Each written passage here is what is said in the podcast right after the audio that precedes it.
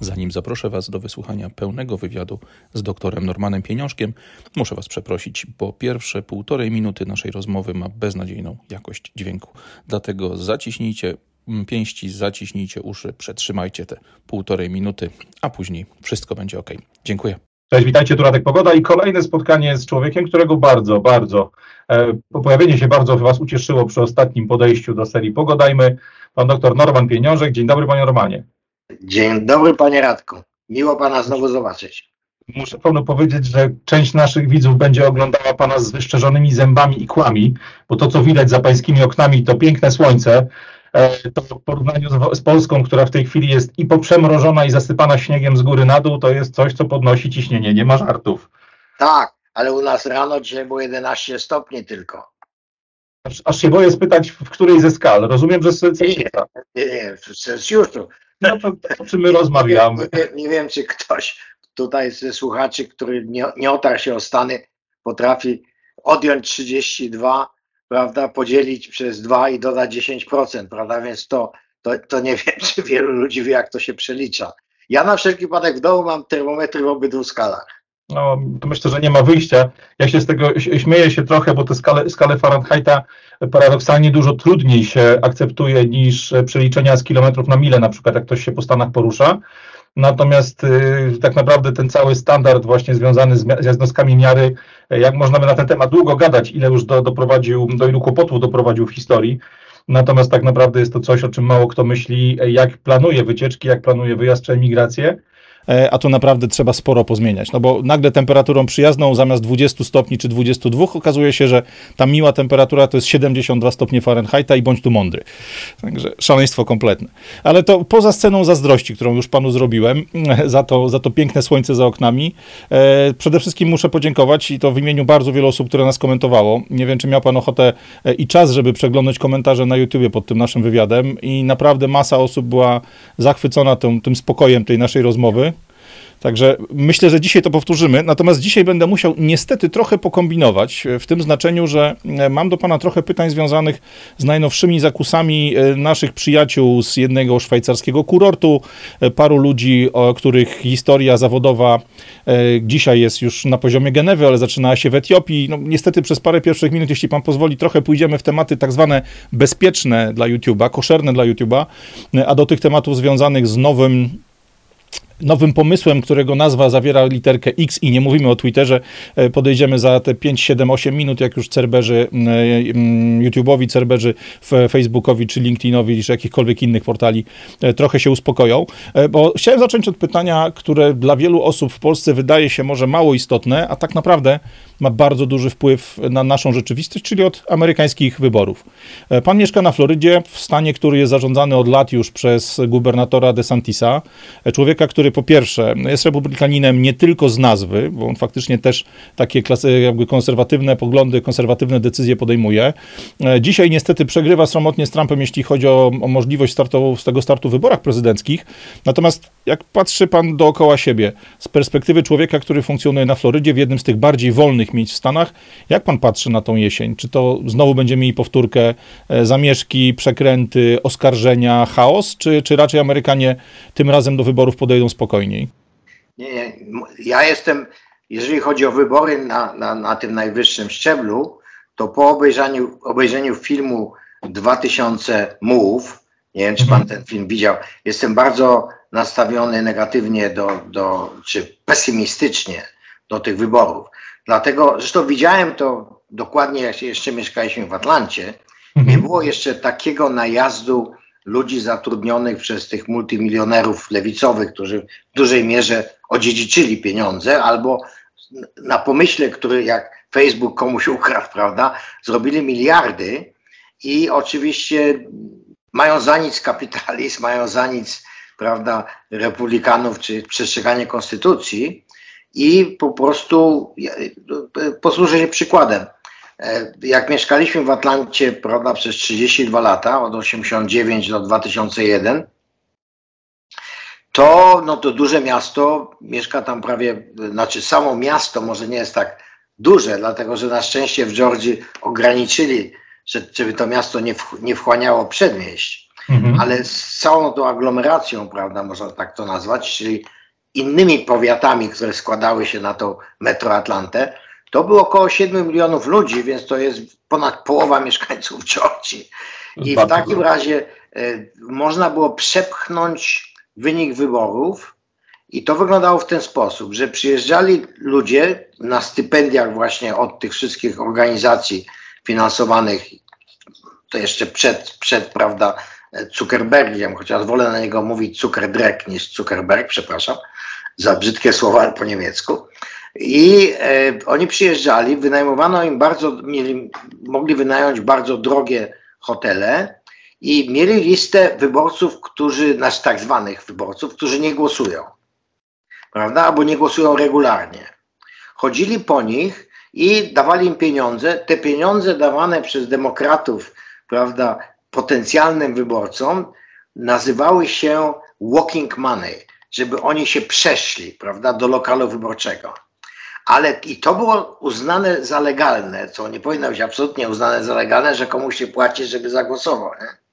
Ale Zrobiono to o jeden krok do przodu, chociaż nie tak daleko, jak zrobiono to w Kalifornii i chyba jeszcze w kilku innych stanach.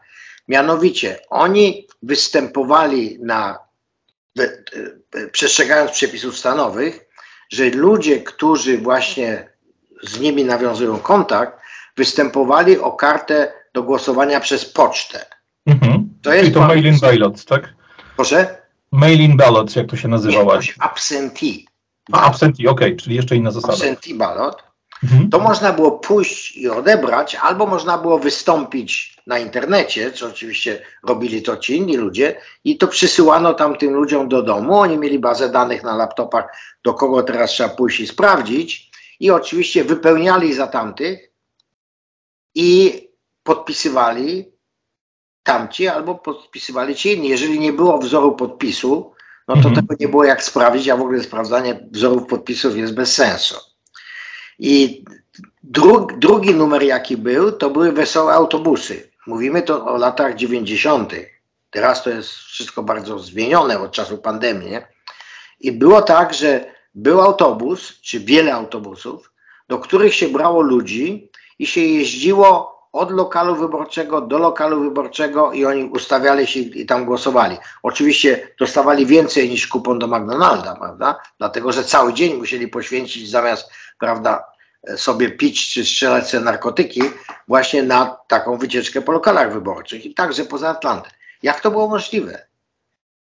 Demokraci walczą tak jak, prawda, nie wiem, o źrenice oka, jak się mówiło za komunizmu w Polsce, żeby nie trzeba było pokazywać dokumentu ze zdjęciem.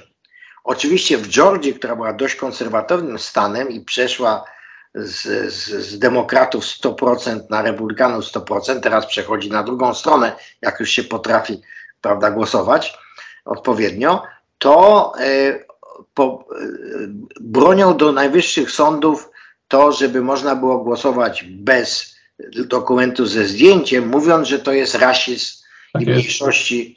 Ale przecież jak ten sam człowiek pójdzie i chce kupić wódę, czy chce cokolwiek zrobić, no to musi pokazać dokument ze zdjęciem, prawda?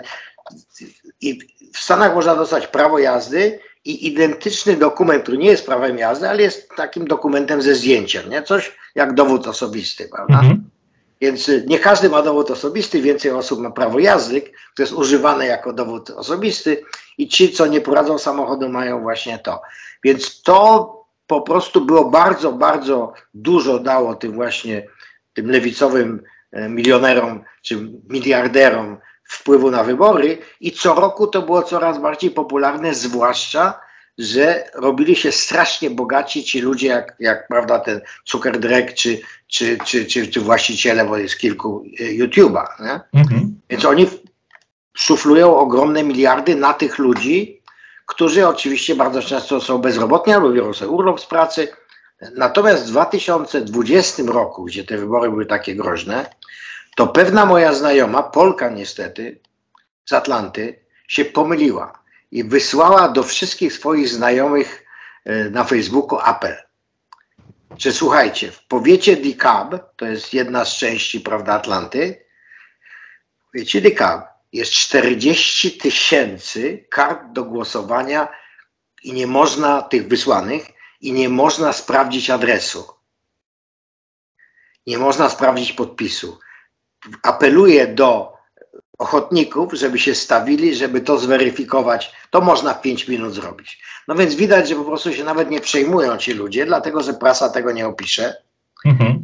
I najgorsze jest w Kalifornii, bo w Kalifornii ustawa, prawo stanowe pozwala na przykład panu chodzić po domach i zbierać te karty i dostarczać je, dostarczać je do skrzynek.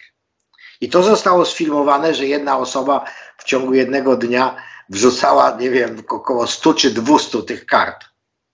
Ale to wie pan co? Z tego co ja pamiętam, bo ja też akurat ten okres y, wyborów y, mm, Biden i Trump mocno analizowałem, relacjonowałem jeszcze na kanale Rafała Otoki Frąckiewicza.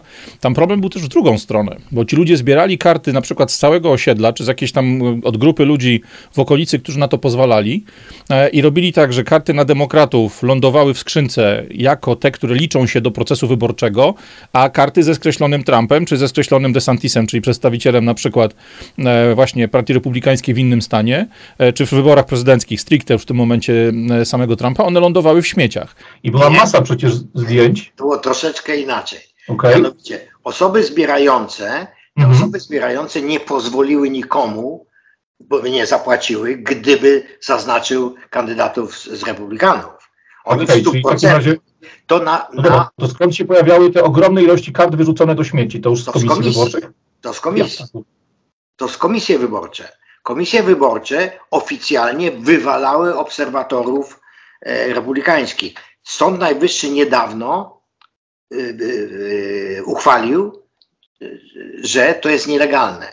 Więc zobaczymy, jak będzie w te wybory, dlatego że e, były kamery i zdobyto z tych kamer, z tej sali te e, wideo. Mhm. Wywalono, zamykamy, zgaszono światło, po pół godzinie wchodzą, prawda, tylko już ci z Partii Demokratycznej i segregują te, te karty, te wyrzucane. To segregują. W której z komisji pamiętam, że... Takie nagranie, o którym pan mówi, pokazywało też, jak właśnie członek komisji do tego na nowo rozświetlonego pomieszczenia wszedł, poszedł na, na pewniaka, podszedł do jednego ze stołów, które stały gdzieś tam pod ścianą, osłoniętym takim długim obrusem do samej ziemi, podniósł obrus, wyjął dwie walizki, i z tych walizek dorzucił głosy po prostu do puli, tak? I to jest nagrane, to przecież, ale mówię, ja te nagrania widziałem wtedy, w listopadzie czy na początku grudnia, e, kiedy, kiedy cały czas było przecież gorąco w Stanach, jeśli chodzi o wynik wyboru właśnie Trump versus Biden. E, I nikt z tym nic nie robił. Chwilę później mieliśmy oczywiście odwrócenie uwagi e, tą tak zwaną insurekcją, czyli tym powstaniem 6 stycznia, kiedy to protestujących ludzi zaprosiła ochrona no, Kapitolu do tego, żeby sobie zrobili spacer, e, a później zrobiono z tego akcję medialną, którą niestety tak zwany standardowy czy tam statystyczny Amerykanin łyknął jak pelikan kapsla po piwie i poszło. Doszliśmy właśnie do 6 stycznia, kiedy Amerykanom zaciemniono, założono im kaptur na głowę, e, kaptur oczywiście medialny, kaptur związany z manipulacją, który sprawił, że przestali zajmować się e, tak naprawdę rzeczywistymi wynikami wyborów, no bo wszystkie media jak na komendę we współpracy z CIA czy w ogóle ze służbami tajnymi, bo przecież tam i Secret Service był w to zamieszany e, i ochrona Kapitolu i tak dalej, nagle pokazano Amerykanom, że to właśnie jakiś atak na demokrację, jakaś próba powstania, próba wywołania rewolucji przeciwko zgodnym z prawem wynikom wyborów.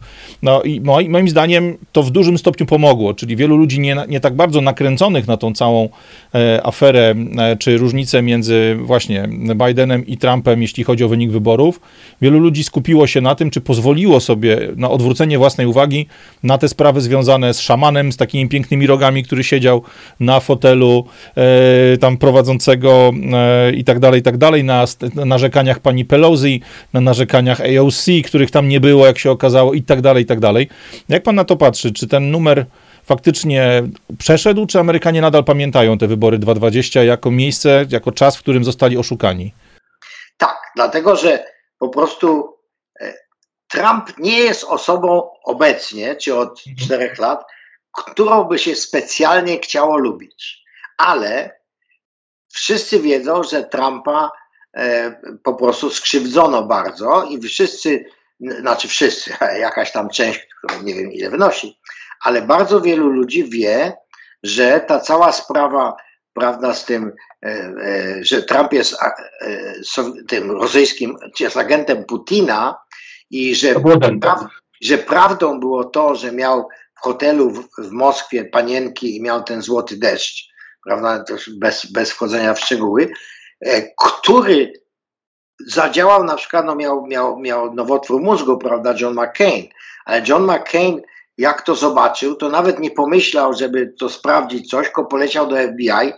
Oczywiście FBI to miało od samego początku, bo zamówiło ten raport, ale widać jak ten pierwszy, prawda, kompletnie wysany z palca, prawda, ten e, dokument, prawda, na Trumpa i, i ludzie wiedzą, że to wszystko, co, co o nim opowiadano, że to było wysane z palca i tak naprawdę to tylko jedna rzecz, gdybyśmy to podzielili. To mówimy o tym etapie jeszcze w czasie, kiedy Trump był prezydentem, kiedy wstawiano mu zarzuty oparte o tak zwane Russian collusion, czyli to, że on współpracował z Rosjanami. Jeszcze nie był prezydentem, to zaczęło się zanim został prezydentem. Czyli prawda? to był jeszcze 15 rok. Mhm. Jeszcze 15 rok to się zaczęło i bardzo wielu ludzi to wie. Niestety facet polskiego pochodzenia, pan Strzok, e, nie tylko był tak głupi, że wymieniał SMS-y ze swoją kochanką, nie wiem, żona pewno go, go trzepaczką później zbiła po tym, to jeszcze był jedną z najobrzydliwszych osób w całym tym, w całym tym, te, te, tej sprawie.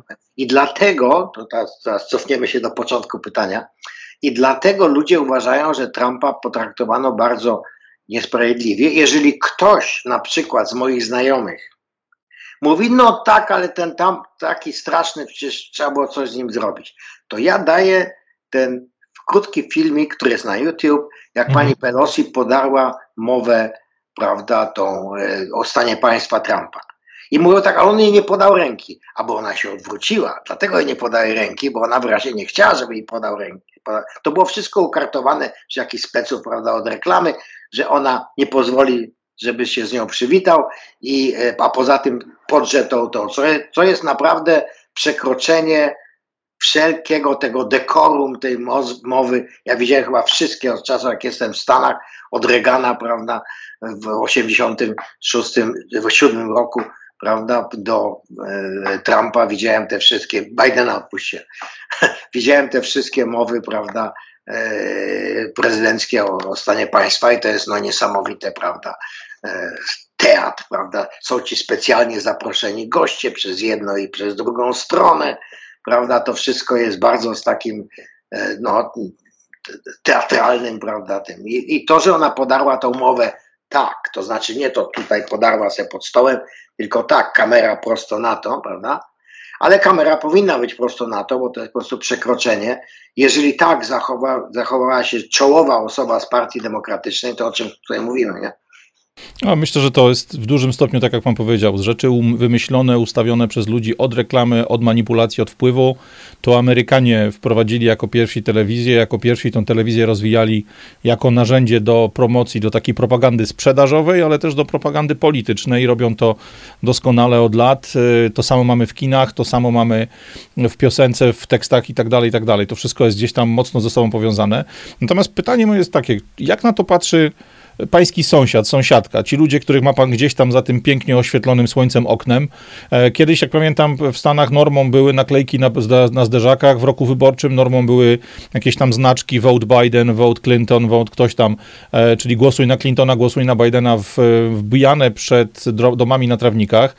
E, bardzo mocno ta, ten ruch oddolny występował. Ja nawet pamiętam sytuację, w której ludzie po domach chodzili, próbując nakłonić wprost swoich sąsiadów do tego, żeby zagłosowali na jednego czy drugiego kandydata. I to mówimy znowu o, o tym poziomie najwyższym prezydenckim, e, bo z tego, co mówię, no tak jak po, po, wspominam, dużo, co ciekawe, dużo mniej było takich zagrań na poziomie wyboru szeryfa, wyboru sędziów i innych rzeczy, które też w Stanach odbywają się na zasadach właśnie e, powszechnych wyborów, tylko lokalnych. Jak to w tym roku wygląda? Proszę pana, na Florydzie to akurat nie jest problem. Mhm. Dlaczego? Dlatego, że na Florydzie jest baza danych, kto zapisał się do którejś partii. To znaczy, okay. nie trzeba być członkiem partii w tym sensie, że płaci się składki. Tylko to jest potrzebne do prawyborów. Mhm. Jak są prawybory, to na nie idą przedstawiciele, oczywiście tak samo, tak zwani niezależnie, nie? I prosi się tą kartę do głosowania dla republikanów i nie można na, głosować na drugiej tej karcie, nie? Dla demokratów. I do mnie przyszedł sąsiad właśnie, który się wyprowadził, ale przyszedł do mnie sąsiad i powiedział, słuchaj, gratuluję ci, tu mieszkała demokratka, a ty się zarejestrowałeś jako republikanin. To już mamy tylko dwa domy na naszym kawałku, na tym ulicy bez wylotu, cul-de-sac, prawda, po, po tym, po, po angielsku czy amerykańsku. Mhm. I powiedział, że właśnie powiedział, nie powiedział mi kto, ale z wypowiedzi na takich spotkaniach się okazało, że niestety ludzie pochodzenia polskiego z, z niemieckim nazwiskiem, państwo Litkę, są właśnie jednym z tych dwóch domów na chyba 30, którzy są demokratami. Więc tu nie zauważyłem bardzo tych, tych naklejek do tej pory. Nie zauważyłem tych właśnie wbijanych takich tych e, znaków, które właśnie to albo przysyła partia, albo ktoś chodzący po domach roznosi i wstawia, że głosuje na kogoś tam. Mhm. Nie widziałem tego w mojej okolicy, być może nie wolno. A może jest za wcześnie, bo wie pan, mamy dopiero styczeń, wybory, wybory to jest jednak druga połowa roku. Może nie chcą przegrzać. Nie wiem. Widziałem, co prawda, było referendum na dodatkowy procent w naszym powiecie, Manati, w naszym powiecie, 1% więcej podatku od sprzedaży, bo podatków od uposażeń na Florydzie nie ma, dlatego tu dużo i w Teksasie też nie. Dlatego te Stany są takie, takim magnesem dla wielu ludzi, bo się płaci w Kalifornii kilkanaście procent tak. nawet e, dochodów właśnie, nie, niezależnie od podatku federalnego na stan, nie? a tu jest to zero i ten dodatkowy procent miał iść na szkoły. I u wylotu mojej ulicy, na skrzyżowaniu z drugą ulicą, y, mieszka po obydwu stronach dwie rodziny murzyńskie, które mają ładne samochody i oni są nauczycielami. Więc y, poza tym tutaj akurat w, tym, w tych osiedlach ktoś, kto nie da rady, prawda, jeżeli ktoś nie jest z klasy średniej, żeby tutaj zamieszkać, no zupełnie zrozumiałe. Normalna rzecz, tak. Że w Stanach są te, prawda, jakby, to się nazywa zoning, prawda, że tutaj są domy tylko w takiej granicach cen, tu w takiej, tu w takiej, tu w takiej.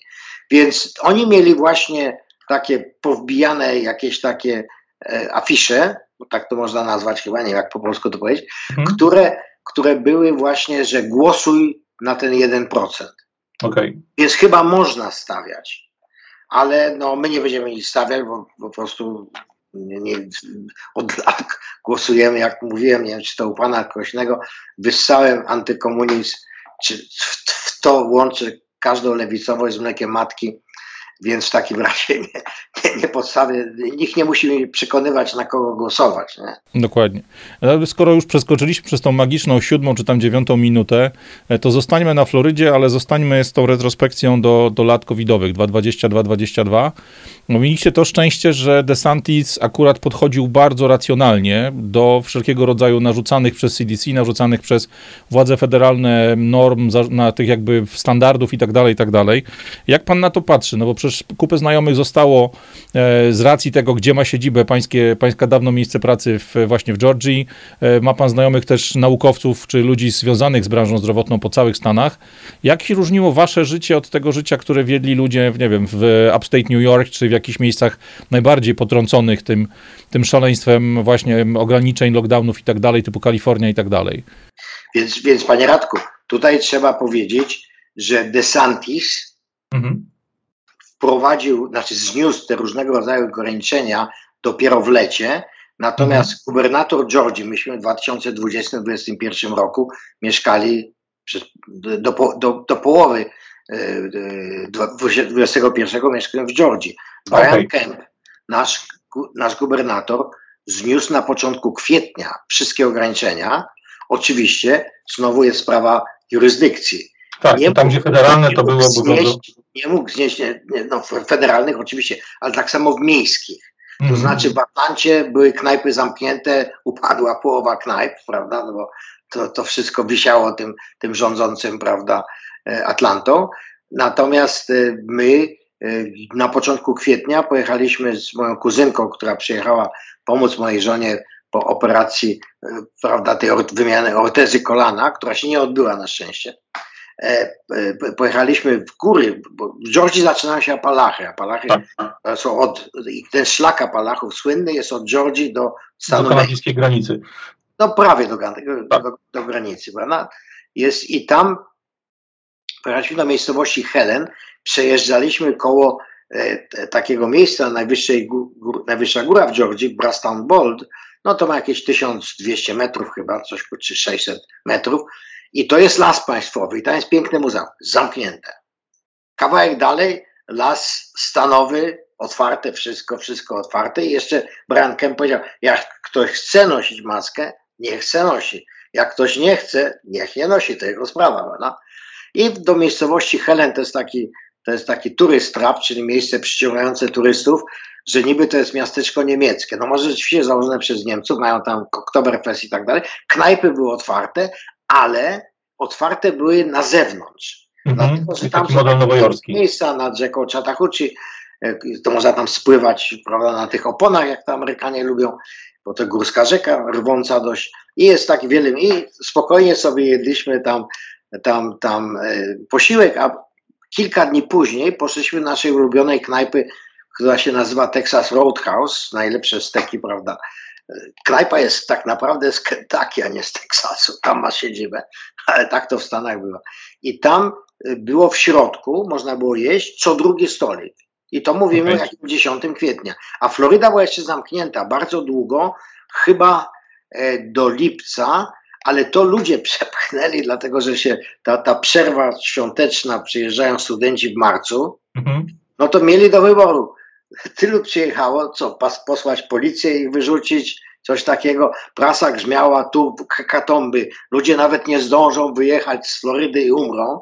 No i to wreszcie przemówiło DeSantisowi do, do, do, do głowy i do rozumu i, i otworzył, tak częściowo otwierał, a kompletnie otworzył właśnie w lipcu. I co się okazało? Redakcja New York Timesa to w ogóle czerwone napisy, tak. nie idźcie na Florydę, a 15 E, tych e, redaktorów się umówiło z New York Timesa, mieszkała na Florydzie, wynajęli mhm. wspólnie coś, sfotografowano i pokazano ich zdjęcie razem z tym nagłówkiem z New York Timesa. No to widać, jak to było wszystko robione. Nie?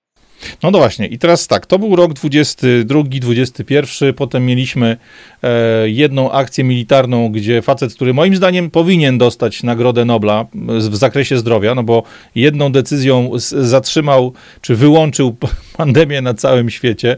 E, co się stało ty, od tej pory? Ja powiem panu tak, no, w tym czasie mocno byłem aktywny, jeśli chodzi właśnie o pokazywanie tych bezsensów, tych idiotyzmów, nielogiczności przepisów, e, gdzieś tam próbowałem e, i nagłaśniałem, jak się tylko dało, maile Dworczyka, te wszystkie rzeczy, które na polskim podwóreczku pięknie pokazywały szambo tej operacji. E, natomiast dzisiaj widzę wokół siebie, nawet wśród ludzi, którzy wtedy mocno się zaangażowali e, w tą, powiedzmy, pokazywanie kretynizmów e, całej tej akcji, dzisiaj widzę, że ci ludzie, nie wiem, czy ze zmęczenia, czy z jakiejkolwiek potrzeby takiej psychicznej, wewnętrznej, nie pamiętają tego, że zaraz na początku konfliktu ukraińskiego, kiedy wypływały nam te informacje o procesie budowania szczepień, o procesie całej tej akcji właśnie związanej z tym, powiedzmy propagandowym działaniem na ludzi, za zastraszaniem i tak dalej, oni wtedy byli w to wkręceni, gadali ze mną normalnie na poziomie foliarz z foliarzem, już tu używamy oczywiście określenia, których nas się tak, tak hojnie obdziela, Natomiast dzisiaj ludzie już nie chcą tego pamiętać. Czy w Stanach jest tak samo? Bo przecież tam masę informacji wyszło na temat CDC, na temat y, samego udziału Fauciego, na temat tego, jakie były powiązania e, mediów na przykład z koncernami farmaceutycznymi, jak to wszystko się spina w tym, w tym układzie właścicielskim na poziomie BlackRocków, tych funduszy inwestycyjnych. Jak Amerykanie dzisiaj na to patrzą? Też zapomnieli albo chcą zapomnieć, chcą się odwracać, czy, czy to jest nadal żywe? Nie, nie, nie. To Tutaj, znaczy na Florydzie to bardzo szybko zniknęło. Mhm. Być może szybciej zniknęły te wszystkie jakieś widoczne rzeczy e, niż w Georgii. Prawda? Ja nie byłem od czasu sierpnia 2021 w Georgii, bo raczej, raczej nigdzie nie jeździmy z, z prywatnych powodów. I e, e, wyglądało to w ten sposób, że jak przyjechaliśmy tutaj w 2021 roku, najpierw w maju szukać nowego domu, a potem się przeprowadzaliśmy, znaczy później ten dom kupiliśmy prawda, w lipcu i zaczęliśmy jeździć co tydzień, przewożąc do tego domu jakieś co cenniejsze rzeczy i, i kierować różnymi pracami, bośmy chcieli ten dom troszeczkę zmienić. Nie? no i przygotowując nasz tam w Atlancie do sprzedaży. Nie? I po prostu było tak, że chyba szybciej niż w Georgii znikały takie rzeczy jak na przykład plexiglas. Ten plexiglas o dziwo jeszcze istnieje w polskim sklepie w Sarasota, ale w żadnym innym sklepie przy kasie żadnych tych plexiglasów w banku no. czy cokolwiek nie ma. Sorry, winy tu. W Polsce plexiglas jest nadal y, elementem wystroju wielu, wielu urzędów, sklepów, a przede wszystkim tej działki właśnie związanej z administracją. No, więc myślę, że jeżeli do tego sklepu płynie polski towar, to to zaraza poszła, zaraza plexiglasu poszła razem z polskim towarem. ciekawa, ciekawa teoria. Ale wie pan, co mnie bardzo zbudowało, to jest to, że oczywiście jak się tu sprowadziliśmy, musiałem odwiedzać różnego rodzaju urzędy powiatowe, mhm. prawda, różne rzeczy tam załatwiać, prawo jazdy, to tamto i banki, sklepy i tak dalej. I jeżeli w banku i w sklepie jeszcze się widziało plexiglas, prawda, to w urzędzie e, e, tym powiatowym tego nie było, nie było ani jednej maski, niczego. To oczywiście powoli właśnie znikało do mhm. jesieni 2021, gdzie ludzi przekręcono chyba na całym świecie skoncentrowaną akcją, bo się bał Pfizer, prawda, Moderna i oczywiście Chińczycy i WHO, że wszystko padnie, nie będą już rządzić ludźmi i coś sprzedawać. I jak był ten Omikron? My nie oglądamy żadnej tam telewizji, ale ludzi to potwornie tutaj wystraszyło. Okay. I widziałem kolejki do szczepień. Więc widać, że media odegrały właśnie z tym Omikronem na jesieni 2021 ogromną rolę w napędzaniu ludzi na, e, na, na tą maść na szczury, którą serwował prawda, Pfizer. Prawda? Wiadomo, że nie ma żadnych szczepionek, nie można zrobić szczepionki. Sam Fauci powiedział, nie można zrobić szczepionki na jakiekolwiek wirusy infekujące układ oddechowy, bo odporność w układzie oddechowym jest zupełnie inna z wielu powodów niż ta we krwi. Nie? I Ale to, to samo, Przecież to samo mówi się w tej chwili o sposobie przenoszenia. Ja absolutnie tu fachowcem nie jestem, e, dlatego cieszę się, że pana mam po drugiej stronie, ale ja pamiętam z, e, ten właśnie komunikat nadawany, że każdy następny ten Omikron, czy Delta, czy cokolwiek innego, że on będzie tym kolejnym ogromnym ciosem, a ja jako człowiek, który poszedł w, w te nauki humanistyczne bardzo mocno, bo ja jestem człowiekiem od marketingu, od sprzedawania, od gadki, a nie od tego, żeby łączyć wzory. Dla mnie, mówię, na chemii wszystko było fajnie, dopóki nie trzeba było użytkować wzorów, a, a na fizyce potrafiłem super rozumieć zasady i to jest dla mnie naturalne, oczywiste, natomiast moment, kiedy się trzeba było po prostu na pamięć nauczyć e, wzorów i tak dalej, i tak dalej, to, to wymiękałem.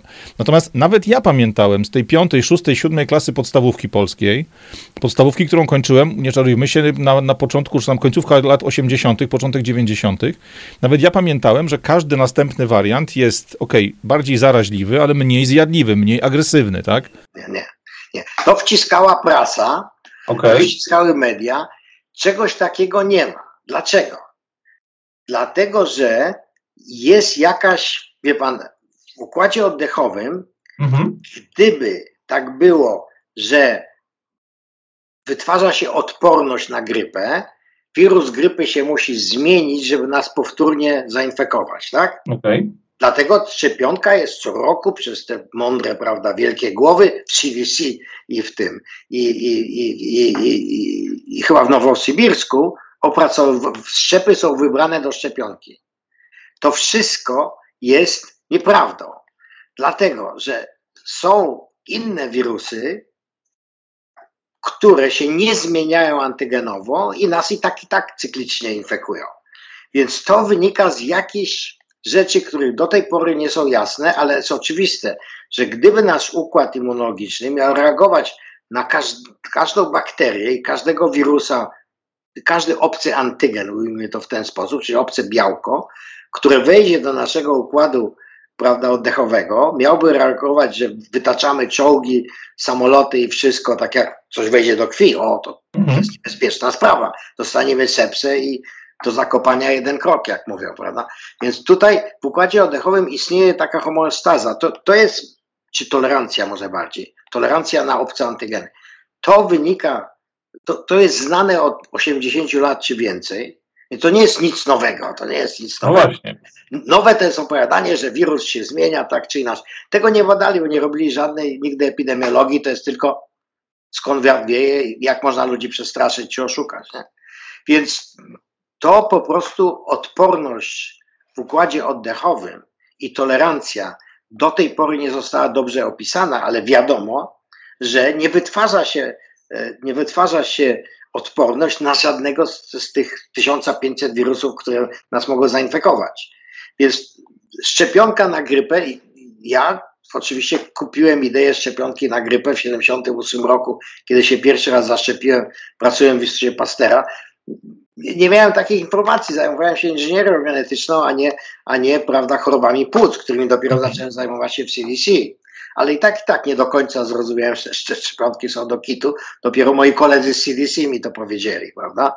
Na szczęście miałem akurat bliskich znajomych, którzy, którzy pracowali akurat w sekcji grypy w CDC i mi powiedzieli parę ciekawych rzeczy. Ale co moi koledzy, bo od tego to pytanie się zaczęło. Moi koledzy w CDC musieli podpisać lojalki, to raz, a dwa, nie pracowali, laboratoria w CDC nie pracowały, bo nie są potrzebne do reklamy, prawda? Laboratoria były po to, żeby współpracować ze stanowymi, e, prawda, laboratoriami i mieć tą tak zwaną referencyjną diagnostykę. To znaczy, jak CDC nie wie, co to jest, to już musi posłać to, prawda, na górę do Pana Boga. Więc CDC to byli tacy Marines, którzy przyjeżdżali i sprawdzali, jakie są, z, z jakiego powodu ktoś choruje. Nie? Ale to wszystko padło od początku pandemii. Ludzie wysłano do domu, pracowali z domu, ale jak można robić, prawda, te doświadczenia w laboratorium, czy jakieś testy z domu, nie? Więc to była fikcja. I muszę panu powiedzieć, że CDC według moich znajomych, znowu nie wiem, czy to jest prawda, czy nie, miało najmniejszy procent wyszczepienia może na całym świecie, za wyjątkiem jakiegoś Zanzibaru czy czegoś takiego. Albo Amiszy. Tak, no Amisze się nie szczepili. O Amiszach się nie mówi. O Amiszach nie wolno mówić. Amiszów Ale widzi pan. To jest to samo, co w przypadku tej Diamond Princess, o której pan tak dobrze opowiadał właśnie przy naszym pierwszym spotkaniu. Mamy przykłady właśnie takich, może nie do końca zamkniętych społeczności, bo Amisze jednak mają kontakt ze światem zewnętrznym, ale społeczności, która jest... Yy, no, niejednorodna, bo mamy ludzi młodych, starych, schorowanych, y, zdrowych, sprawnych, mniej sprawnych, z jakąś historią chorobową. Szczególnie, że umówmy się, sama społeczność też jest mała, więc podejrzewam, jakby na to spojrzeć z pańskiego podwórka genetycznego, no to ten, ten wachlarz genów do dyspozycji do budowania mocnej, zdrowej jednostki jest pewnie mniejszy niż w takim szeroko zmiksowanym społeczeństwie. I o nich nikt nie mówi. Nikt nie mówi o Diamond Princess, nikt nie mówi o żołnierzach, nikt nie mówi nawet na polskim podwórku o dzielnych paniach, które w biedronkach, w jakichś tych sklepach, marketach i tak dalej przepracowały całe cholerne dwa lata, w ramach ochrony mając przesiąkniętą parą wodną, po prostu własnym, własnym potem, własnym, własnym oddechem maski, jakąś chorą przyłbicę, jakąś taką, nie wiem jak to nazwać, rynnę czy namordnik plastikowy, który gdzieś tam je osłaniał. No i oczywiście już użyliśmy tego terminu, tą najświe, przenajświętszą spleksę, która wystarczała jako sprzęt ochronny ostatniego rzędu, ta broń masowego rażenia i sprawiała, że nie umierały kasjerki. Ja się z tego śmiałem, bo akurat w budynku, w którym wtedy mieszkaliśmy w Warszawie na Saskiej Kępie, mieliśmy sklep na, w podziemiu jakby, czy znaczy w takim przyziemiu, mieliśmy właśnie sklep, jakąś tam Biedronkę. E, i śmiać mi się z tego chciało, bo te same kobiety wykładały m, mm, na początku marca, jak zaczęło się szaleństwo, ten papier toaletowy, który schodził na pniu do zera, ten cukier, ten ryżną kaszę, nie, nie mogąc nastarczyć, rzucając w diabły te wszystkie maski, osłony, bo one po prostu biegały po tym sklepie, tak dużo takiego szału dostali ludzie wykupując te zakupy. Te same panie były tam dwa miesiące później, jak e, straszył nas Szumowski, rok później, jak straszył nas e, Niedzielski. E, przeżyły Dworczyka, przeżyły Morawieckiego. Dzisiaj mamy Tuska i nowy zestaw ludzi w Ministerstwie Zdrowia. Przeżyły nawet pleksy, bo dzisiaj tych pleks już nie ma, a te dzielne panie, ci dzielni żołnierze, ci ludzie, którzy przeżyli Diamond Princess, ci Amisze, na nikt nikt nie patrzy i nikt o nich nie mówi. Jak to się może stać? Ale panie Radku, powiem panu, że właśnie zrobiłem taki dowcip w Atlancie. Chodziliśmy do sklepu, w pewnym sensie za rogiem, no można było dojść prawą piechotą, ale czasami jak było więcej zakupów, podjeżdżaliśmy samochodem. Takiego znanego supermarketu, chyba największego w Stanach sieci Kroger. To mhm. jest chyba z Cleveland czy Cincinnati w Ohio, central. No i niech pan sobie wyobrazi, że do lipca 2020 roku mhm. nie było, znaczy w Georgii nigdy nie było nakazu noszenia masek, ale firmy dociśnięto, oczywiście handlarze, prawda, maszczą na szczury, docisnęli firmy, żeby firmy nakazywały ludziom wchodzenie w masce. No więc ja se wchodzę w lipcu bez maski do Krogera, a ktoś mnie zatrzymuje i mówi, trzeba założyć maskę.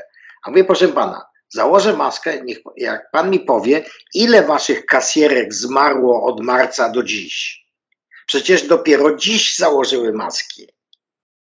Oni nie nosiły maski od początku, nie było to wymagane.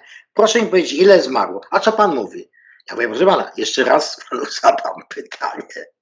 To go tak zatkało, że poszedłem do sklepu, zrobiłem zakupy, wyszedłem bez maski i się mnie nie czepiali, prawda? Ale oczywiście osób, że tak powiem, w sile wieku, których bardziej mogli przestraszyć niż emeryta, prawda, to bardziej dociskali. I to y, w zasadzie ludzie wchodzili i spuszczali sobie maskę, prawda, pod brodę i tak chodzili po tym sklepie. Mhm. Więc ludzie się zupełnie nie przejmowali do czasu Omikronu. Jak Omikron na, na jesieni 2021 widocznie załamała się sprzedaż tych testów i szczepionek. Przecież, proszę pana, w Polsce 37 milionów testów sprzedano. Średnio państwo płaciło po 200 dolarów za test.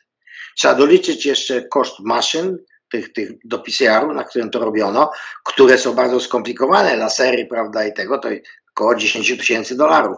Wyposażenie laboratorium, ludziom się płaciło, to są niewyobrażalne miliardy złotych na same testy.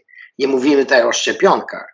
Więc nie mówimy o szpitalach tymczasowych, nie mówimy o, o, wypłatach dla lekarzy, o tym wszystkim. E, nie wiem, czy pan pamiętał, e, czy miał pan okazję zobaczyć taki mój film, gdzie, który zaczynał się teledyskiem Niedzielski będziesz wisiał. E, jak ja próbowałem zrobić takie proste podsumowanie, bo my jesteśmy sfokusowani na temacie szczepień, czy samych szczepionek, zakupu tych szczepionek na poziomie Unii Europejskiej, na poziomie Polski i tak dalej, a tych pieniędzy poszła ogromna rzeka na inne rzeczy, na rzeczy, które, których nie dostrzegamy, na przykład na proste środki dezynfekcyjne E, ja mogę panu taki przykład podać, bo wtedy pracowałem bardzo mocno z firmą, która zajmowała się wspieraniem e-commerce'u, czyli tych wszystkich sklepów wysyłkowych. My mieliśmy ponad 12 tysięcy klientów i jednym z nich byli producenci, taki mały, lokalny polski producent właśnie jakichś tam środków dezynfekujących na bazie alkoholi, na bazie jakichś tam innych czynników i tak dalej. Oni przed marcem 2020 wysyłali tygodniowo około 40 paczek, e, no bo byli małym producentem, momencie, kiedy zaczęło się szaleństwo właśnie nakręcane przez media, e, oni dostali w ciągu jednego dnia 2200 zamówień. Więc włączali swój sklep internetowy w poniedziałek o 8 rano na kilka minut dochodzili do 2000 zamówień, wyłączali go na resztę tygodnia i do piątku realizowali zamówienia, realizowali wysyłki. Więc tam jest kolosalna ilość pieniędzy na wszelkiego rodzaju waty, gazy, waciki, foliowe rękawiczki, jednorazowe opakowania do utylizacji, e, na wszelkiego rodzaju obsługę serwisową autoklawów i innych rzeczy. No bo nagle okazało się, autoklaw to takie urządzenie, do którego wkłada się sprzęt do, do, do e, właśnie usunięcia zagrożeń. Nagle okazało się, że nie trzeba tam wkładać wyłącznie narzędzi operacyjnych czy zabiegowych, ale znacznie więcej rzeczy idzie do tego autoklawu. To był tak zarąbiasty biznes na, na milionie poziomów, że ja się wcale nie dziwię, że ich kusi, żeby wrócić.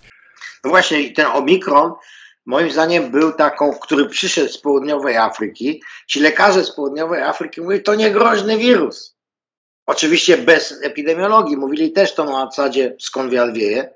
Nikt nie wiedział, czy to w ogóle cokolwiek oznacza. Jedyna rzecz, z sekwencji, którą pokazano, nikt tego nie mówił, to jest to, był to rekombinant pomiędzy dwoma szczepami tego wirusa, czy wirusem ludzkim, a wirusem, nie wiem, z żownicy, wszystko jedno. Mhm.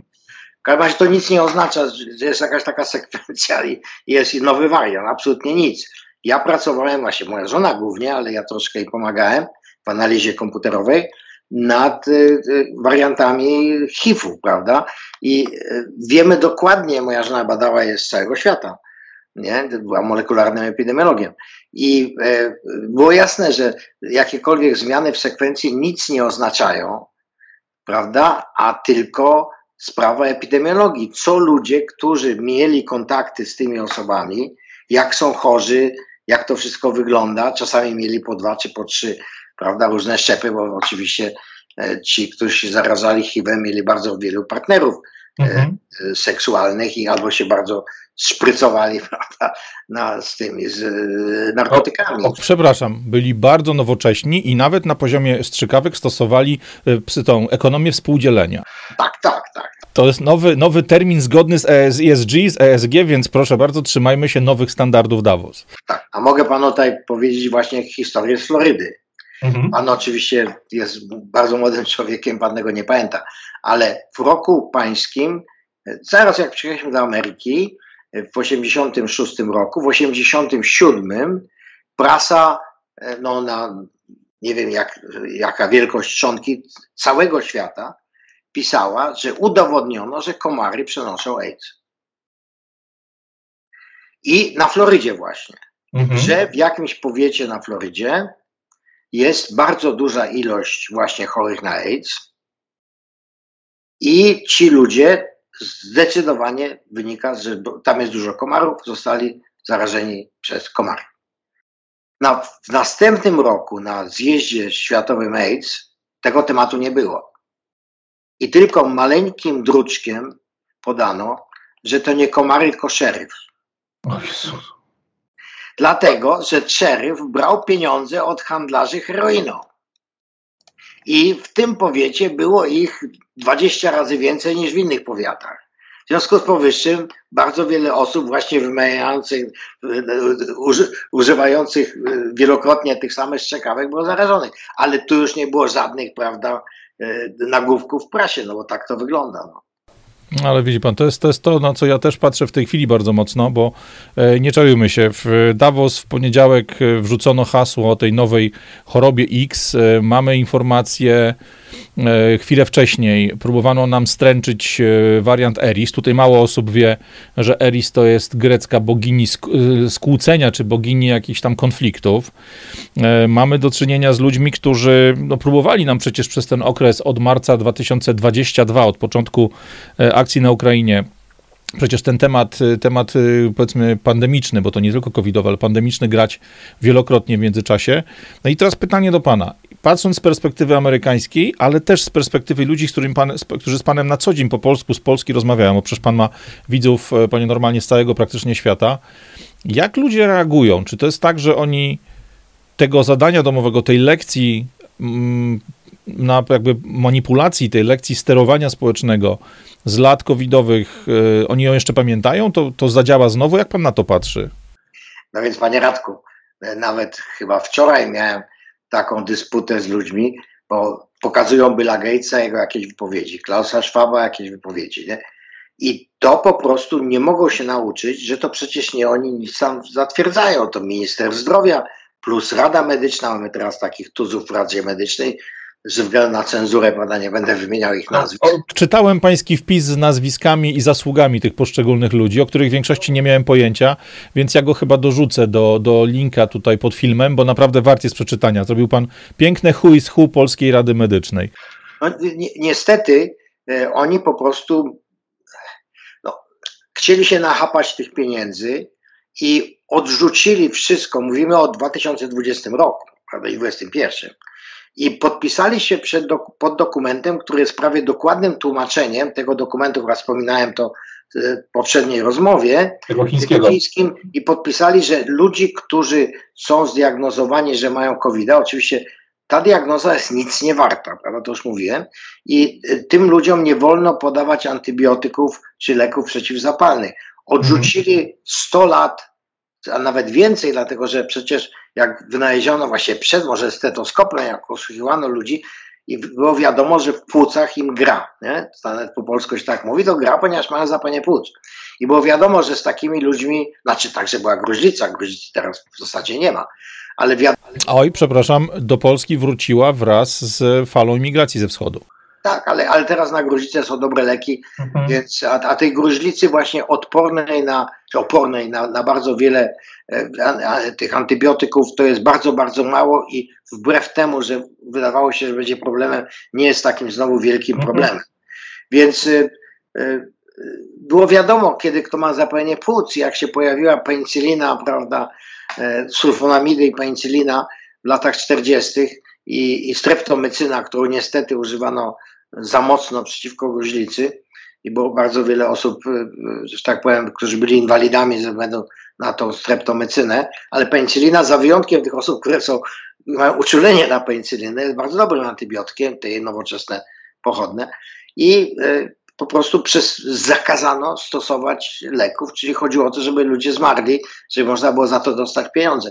I to się podpisali ludzie, którzy o tym, o ile nie wiedzą ze szkoły średniej, to wiedzą ze studiów, bo są no, lekarze, są lekarzami. Mają tych studiów. Nie czerujmy się 11 lat, bo tak naprawdę ja to się kiedyś śmiałem właśnie przez to, że mam lekarzy w rodzinie i to takich lekarzy, z którymi dzisiaj nam się trudno rozmawia, żeby nie powiedzieć, że wcale, bo nie mieli problemu z tym, żeby wejść w to szaleństwo.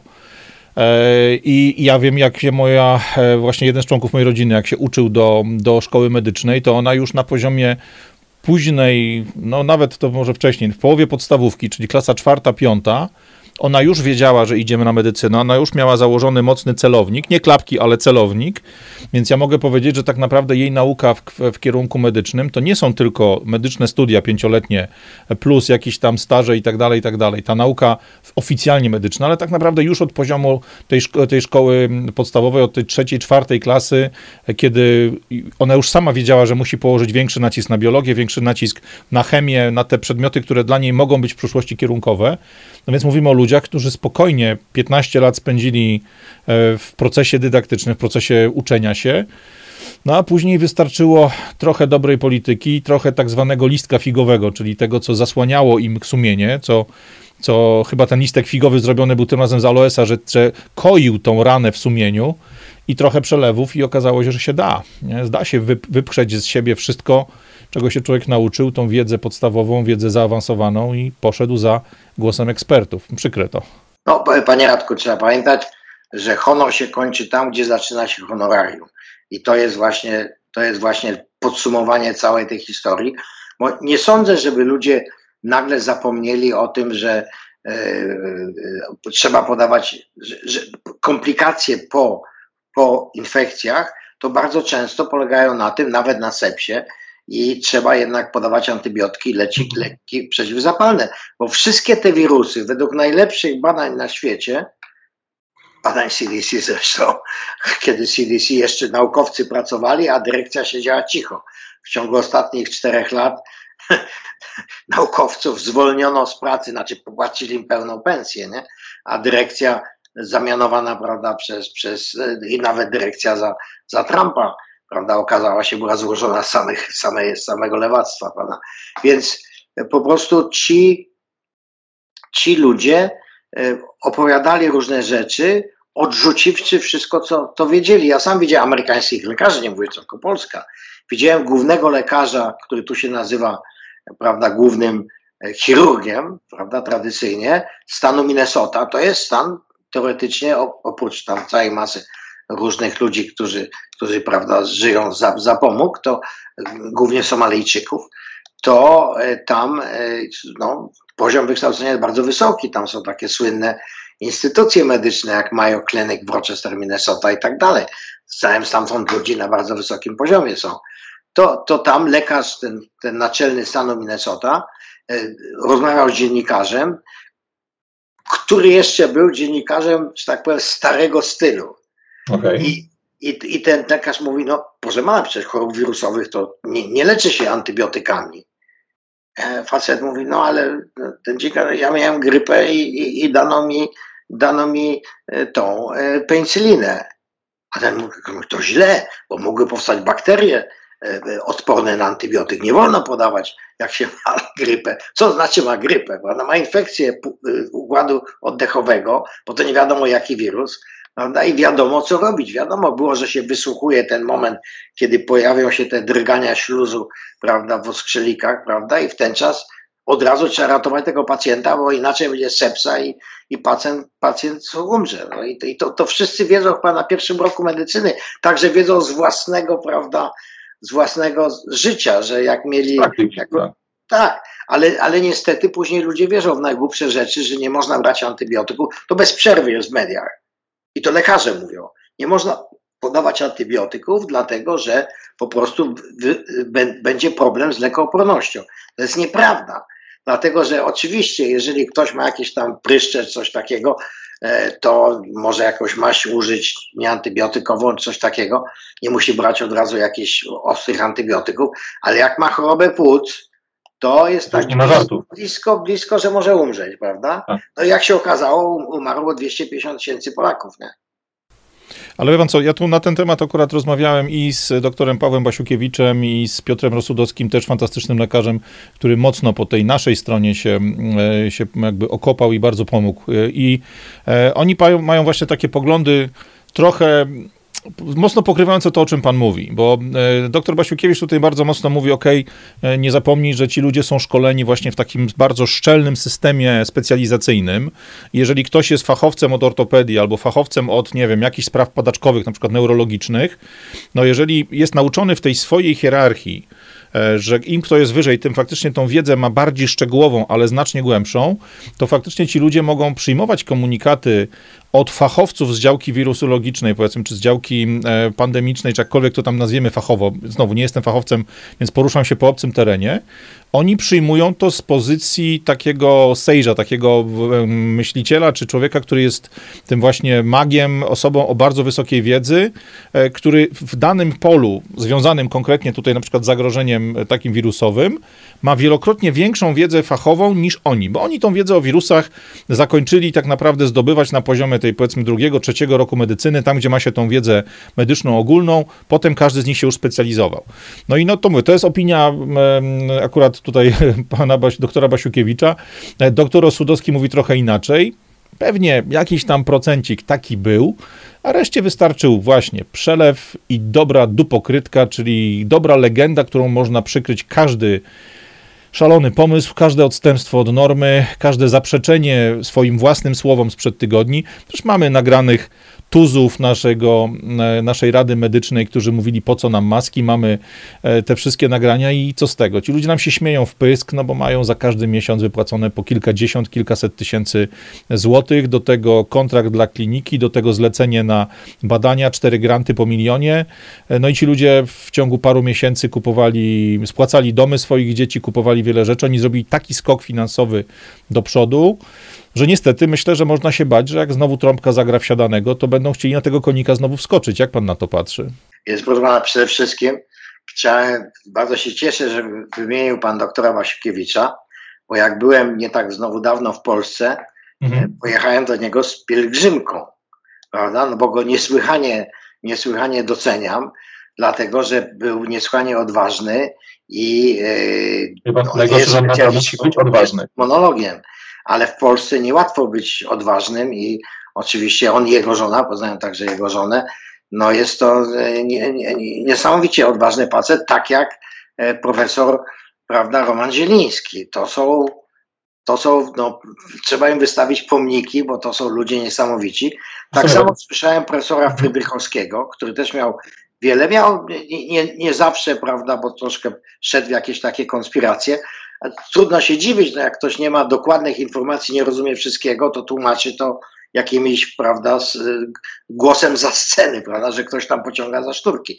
Ale to jest też bardzo odważny i, i profesor Kuna, prawda, następny. Pewno jest jeszcze więcej osób, których nie było nagrań, prawda, na, na YouTube czy gdzieś tam, które też trzeba w Polsce uhonorować, pewno no, jakimś Basiukiewicza i, i, i tego, i profesora Zielińskiego to y, y, na pewno oderem Orła Białego, bo to są ludzie, którzy w pewnym sensie zachowali w Polsce tą przyzwoitość, prawda?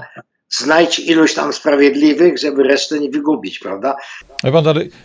Ich na szczęście jest, panie, panie normalnie, ich jest na szczęście więcej. Mamy już niestety nieżyjącego hałata, mamy e, przecież e, ludzi, którzy do dzisiaj się szlajają po sądach, którzy są nękani, którzy są niszczeni przez izby lekarskie i jest na nich, tak jak nie wiem, Piotr Witczak i inni, którym zabierało się komputery, do których wjeżdżało ABW, służby i tak dalej, i tak dalej, e, których jak się nie udało ukąsić od strony medycznej, od strony tych zasad e, funkcjonujących w ramach korporacji medycznych, no to ich się atakuje od strony podatkowej, szuka się dziury w tyłku za przeproszeniem dodatkowej i tak dalej, i tak dalej. Bo ci ludzie byli po prostu, tak jak pan powiedział, odważni. Oni mieli jaja do tego, żeby stanąć w prawdzie, powiedzieć jasno, nie zgadza się to z moją wiedzą medyczną. Ci ludzie położyli na szale swoje tytuły, swoje mm, praktyki. Umówmy się, no to nie są ludzie ubodzy, to nie są ludzie, którzy muszą coś robić dla sławy czy dla poklasku, bo dla nich to nie jest ścieżka w górę. Dla nich to jest droga przez piekło, to jest zejście w zupełnie innym kierunku. Także ten krzyż orła jestem za. Trzeba tylko sprawdzić, żeby to koniecznie, panie, panie normalnie, nie było to samo oznaczenie, które od prezydenta dostał Klaus Schwab, bo myślę, że tu mielibyśmy niewielki rozjazd, a Schwab został odznaczony. To widać po uderze orła białego, prawda, który dostała Katarzyna Wielka i tak dalej, i tak dalej. To, to, to nie jest takie ważne, ale uchronienie tych ludzi, wie pan, jeżeli chodzi o, o tego, jeżeli chodzi o profesora Zielińskiego, to akurat tutaj on jest genetykiem, więc go znam, mm. cenię jego przyjaźń i tak dalej, i tak dalej, ale zupełnie ja byłem studentem czwartego roku w 68 roku, więc miałem taką repetę 68 roku, jak zespół naukowców zorganizowany przez Instytut Genetyki, jakiś kompletnie, kompletnych oszołomów z Poznania, nawet moja współpracownica, która oczywiście miała masę prawda, z Polski, moja koleżanka dobra, która mówiła, że ja ona mówiłem, że poszła na genetykę, nawet ona się podpisała pod listem potępiającym profesora Zielińskiego, który przecież nie był w tym instytucie, bo jest profesorem genetyki na Akademii Medycznej w Radomiu. I dlaczego jakaś zgraja nieuków i, i, prawda, i ludzi bez, bez, bez krzty sumienia i, i przyzwoitości uchwalali coś przeciwko jemu. Ale chciałem jeszcze tutaj dodać doktora Martykę. Doktor tak. Martyka, Zbigniew Martyka jest też wspaniałym człowiekiem, który próbował bardzo zmienić Radio Maria, zniszczone przez takiego faceta, może też nie powiem jego nazwiska, takiego złodzi faceta, który wypisywał takie kompletne bzdury w gościu niedzielnym, czyli był oddelegowany przez Pfizera do pracy na odcinku kościoła, tak jak dawniej UB, prawda, oddelegowała takiego towarzysza do tego. Takie straszne rzeczy wypisywał i pewno spowodował to, że ten kościół bardzo, bardzo, bardzo długo. w to. Tak. tak. W Ameryce nie. W Ameryce Kościół się wyzwolił ze względu na innych biskupów i braku takich właśnie jak, jak ten ginekolog chyba, czy onkolog, prawda, z tego z Łodzi, braku takich ludzi, którzy by na terenie kościoła opowiadali jakieś takie straszne rzeczy. No, wie pan, przyjechaliśmy tutaj, e, e, pierwszy raz poszliśmy do kościoła we wrześniu 2021 do Incarnation w Sarasocie i akurat ksiądz Jan Rykała, który teraz jest naszym bardzo dobrym przyjacielem, miał kazanie właśnie o Chrystusie, który objął trendowatego i tłumaczył, że nie można się od ludzi odsuwać, prawda? Dlatego, że ludzie potrzebują naszą empatię. Nie empatię, wysyłanie kartki, tylko objąć właśnie ludzi tak, jak Chrystus to zrobił. No niesamowity facet. Ale niech pan spojrzy, panie, panie Normanie, ten, ten atak na ludzi starszych był z każdej strony bo oni zostali porzuceni nie tylko przez Kościół, oni zostali, zostali porzuceni przez pracowników socjalnych, e, zostali, no może nie porzuceni, ale zostali odepchnięci czy odgrodzeni od swoich rodzin. Przez ten komunikat, że dla zdrowia babci nie jedź do niej, nie, nie rób z nią nic, e, nie wiem, nie przywóź jej wnuków, nie pokazuj, nie buduj tej relacji, to dla człowieka, który jest na finiszu, dla człowieka, który, no okej, okay, no pan jest facetem, który jest jeszcze, mówię, zdrowy, ogarnięty, myślący, błyskawicznie funkcjonuje, ale jest masa ludzi, którzy w pańskim wieku są naprawdę osobami o już mocno mocno obniżonym tym poziomie e, kognitywnym, poziomie tych możliwości umysłowych. Ja sam to widzę w swojej rodzinie. Mam 93-letnią babcią, która, babcię, która rządzi chałupą i której nikt nie podskoczy, e, a mój własny ojciec, mający dzisiaj lat tam 70 z kawałeczkiem, jest człowiekiem dużo bardziej zniedołężniałym niż ona, tak? bo po prostu każdy z nas starzeje się inaczej ma jakiś wpływ swojego życia, swojego jedzenia, swojego stylu zdrowia, pracy, genetyki oczywiście. I teraz tym ludziom, którzy no, szczególnie w Stanach, gdzie odległości są ogromne, gdzie dzieciaki normą jest, że dzieciaki powiedzmy z tych flyover states, z tego środkowego zachodu czy środkowych Stanów, bardzo często najpierw do szkoły, potem za pracą emigrują do wielkich miast i tak dalej. Tych ludzi jeszcze bardziej oddzielono, jeszcze bardziej rozdarto rodziny, oddzielono ich od dziadków, oddzielono ich od rodziców. Przecież to była zbrodnia no, na poziomie naprawdę wymagającym tej nowej Norymbergi i, i cisza. Nie ma żadnych rozliczeń. Wie pan, panie, panie Radku, jest kilka filmików na YouTube, e, które po prostu ludzie zbierają i mhm. jak właśnie takiego e, biotechnologa, prawda, z, z tego, z Krakowa, który u, udaje, że coś wie o medycynie i podpisuje wyroki na ludzi, e, że po prostu tych ludzi będzie bardzo łatwo skazać, dlatego że oni pisali, podpisywali, robili wiele rzeczy. Ten, ten słynny biotechnolog powiedział, że gdyby głupi Polacy, dodałem głupi, nauczyli się nosić maski, to zmarłoby o 50 tysięcy mniej. A jakieś trzy, kilka tygodni wcześniej powiedział, że maski, no nie powiedział tak jak ja mówię, że maski zatrzymują tak wirusy jak podsiadki komary, ale powiedział, że maski są niepotrzebne, bo ich się nie nosi, nie nosi, żeby się zabezpieczyć. Ten. To są straszne rzeczy, ale te filmiki, właśnie jak o ludziach starszych, to chyba z Ameryki jest, że stoi starsza pani za szybą tak. w drzwiach, płacze, a, a wnuki dotykają tej szyby. No to jest coś strasznego. Tak samo z Francji jest antyterrorysta w pełnym stroju, podchodzi na plaży do, do matki z dwojgiem dzieci malutkich, którzy siedzą na plaży. No pustej plaży nie ma nikogo. Więc coś takiego człowiek, który wydał taki nakaz, powinien po prostu albo mieć dożywocie, albo po prostu być skazany na, na, na bardzo ciężkie roboty, bo zrobienie czegoś takiego bez żadnego uzasadnienia medycznego, przecież na plaży jest wiatr, prawda?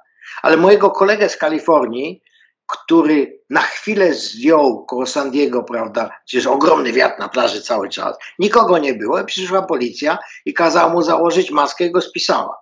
No to wie pan, w Australii mieliśmy helikoptery policyjne, które latały gdzieś tam na skałach. E, ludzie sobie znajdowali jakieś zatoczki, nie zatoczki, jakieś półki skalne, takie osłonięte od lądu, żeby nie dało się ich zaobserwować, jak mieli ten chory zakaz przeporuszania się. Przecież w Australii, w paru stanach, był zakaz oddalania się dalej niż 5 kilometrów od domu ten zamordyzm, który my znamy z Polski, który pan zna z, z, powiedzmy z Georgii czy, czy Florydy, e, to co się działo w tamtym czasie w Australii, szczególnie w stanie Victoria pod Danem Andrewsem, e, szczególnie w e, Nowej Zelandii, w Irlandii przecież to samo było. Ja mam klientów w Irlandii, do których jeździłem przez całe lata, mam rodzinę w Irlandii, przecież nasza kuzynka miała pięciokilometrowy kaganiec założony, czy tam pięciokilometrową smycz. I jedynie dlatego, że akurat ona z jakiejś tam małej miejscowości Mitchellstown musiała dojeżdżać do Fenroy, to jest trochę dalej niż te 5 kilometrów, kilometrów, to miała prikaz, że okej, okay, do pracy możesz pojechać samochodem, ale już wyjście, ona ma akurat dużego psa, takiego doga, wyjście z tym psem, który musi się wybiegać, bo jest maszyną do zabijania, jest maszyną do, do gonienia zwierzaków, wyjście dalej niż 5 kilometrów od domu, to już jest zbrodnia. To były rzeczy, za które po prostu Garda, czyli ta irlandzka policja, bezdyskusyjnie łapała, ładowała ludziom potworne mandaty, jeśli się stawiali, jeśli próbowali negocjować, jeśli próbowali e, jakkolwiek rozmawiać z nimi, to byli po prostu zwijani na dołek, czyli byli aresztowani. Tym ludziom stawiane były zarzuty. Tam nie było takiego podejścia, jak znamy z Polski. E, no i tylko to jest moje pytanie, bo Mamy w tej chwili rozgrywany, i to jest temat, który koniecznie chciałem z Panem dzisiaj poruszyć, mamy w tej chwili rozgrywany temat traktatu WHO. Ja nie ukrywam, nie wchodząc już w szczegóły tego traktatu WHO, co on będzie określał i tak dalej, ja go traktuję trochę jako taką kartę wyjścia z więzienia, jak gra się w Monopoly, nie wiem czy pan pamięta.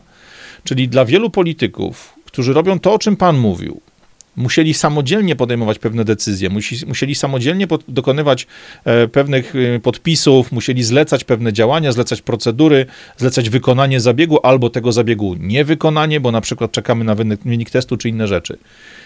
Ci wszyscy ludzie, jeśli zostanie podpisany traktat WHO, dostaną taki piękny właśnie, taki glejt na nieśmiertelność, taką kartę wyjścia z więzienia, taki abonament na niezatapialność, bo będą zawsze mogli powiedzieć, że okej, okay, tam jest mój podpis, ale ja wykonywałem to, co kazało mi WHO.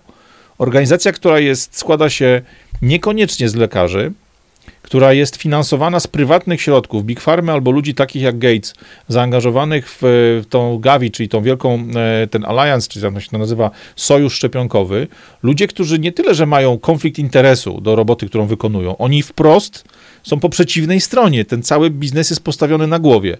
Jak pan patrzy na wpływ takiego dokumentu na to, co będzie się działo, jeżeli będą chcieli nam zrobić powtórkę, oczywiście pod hasłem choroby X, tego co w tej chwili powiedział Tedros, czy jakiegoś innego pomysłu? Czy to nie będzie jeszcze większa bezkarność? Czy to nie będzie taki sygnał, róbcie co chcecie, macie pełen luz, nikt nie będzie was ścigał, dostajecie od nas glade, możecie robić co, co tylko wam się podoba, bo my stoimy za plecami, my przejmujemy odpowiedzialność. Te niewybieralne, nierozliczalne e, ciała, które nie są pod wpływem żadnego sądu, żadnego kraju.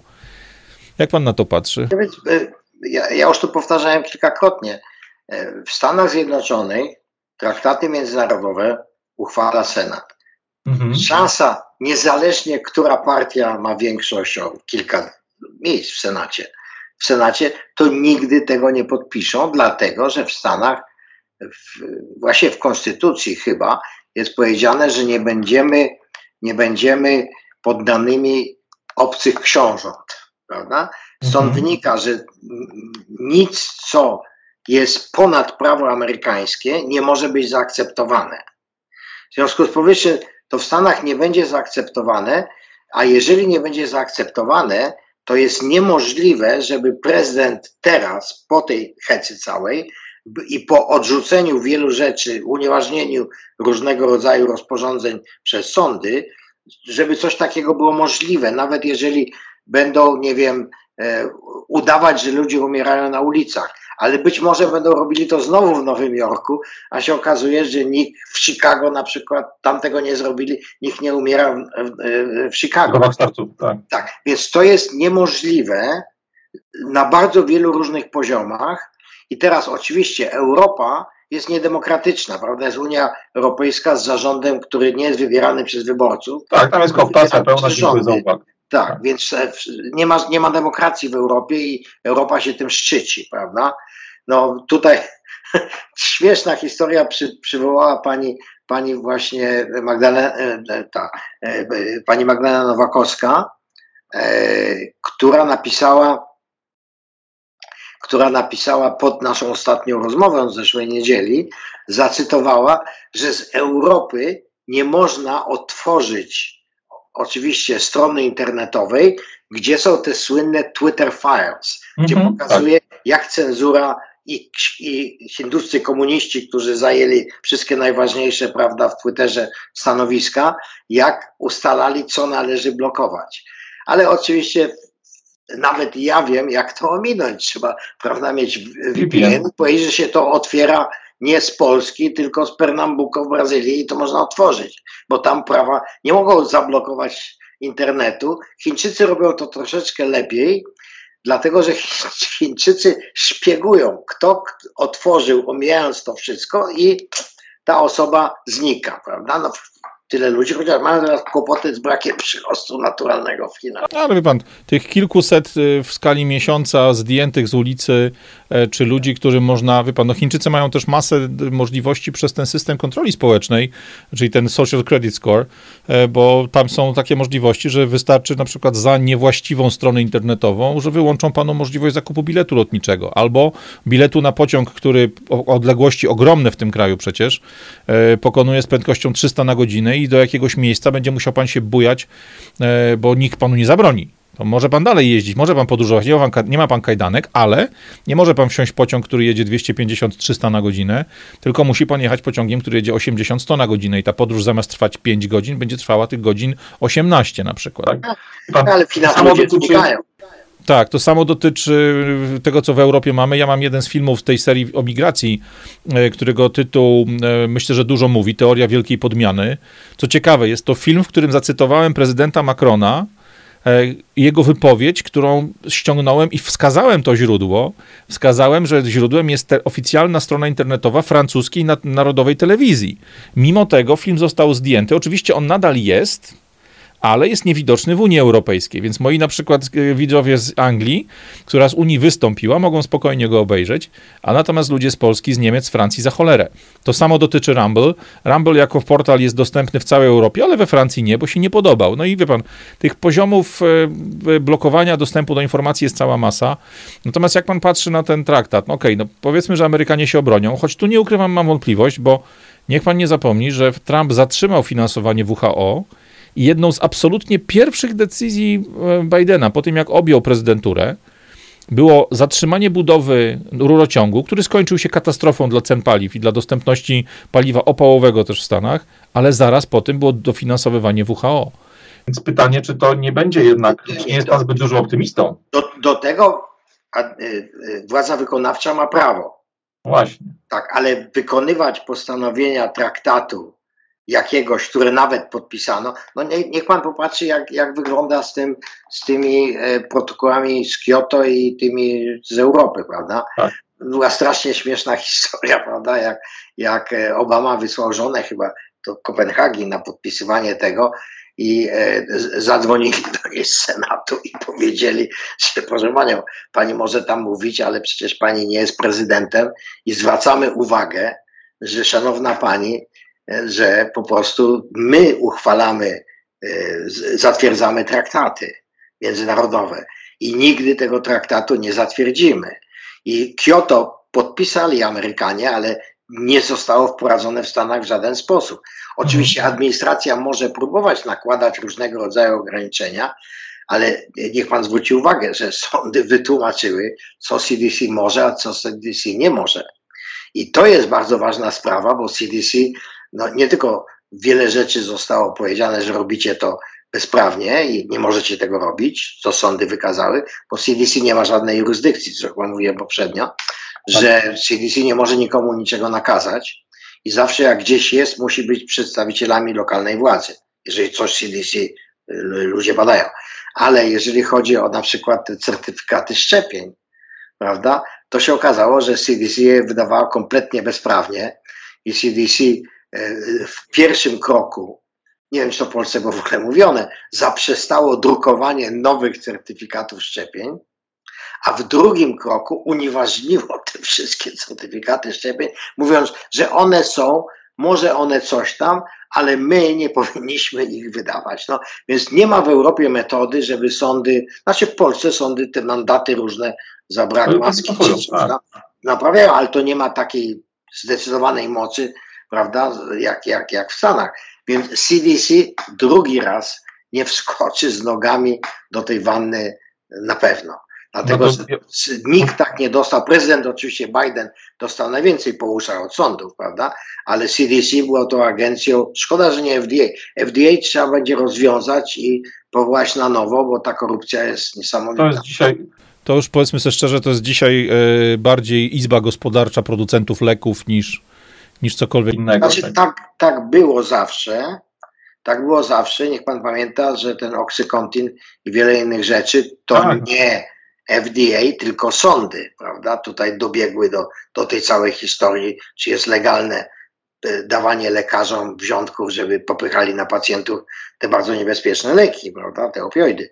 I po prostu e, tutaj e, FDA FDA nic nie zrobiło. W zasadzie od, od tego momentu trzeba było FDA rozwiązać i ja ze swojej strony znam laboratoria FDA. One są, odgrywają jakąś rolę. To dla tych, którzy nie, nie są tak głęboko w temacie, to tylko wyjaśnijmy. CDC to jest Center for Disease Control, FDA to jest Food and Drug Administration. Czy może pan w paru zdaniach powiedzieć, czym się różni jedno od drugiego? Bo...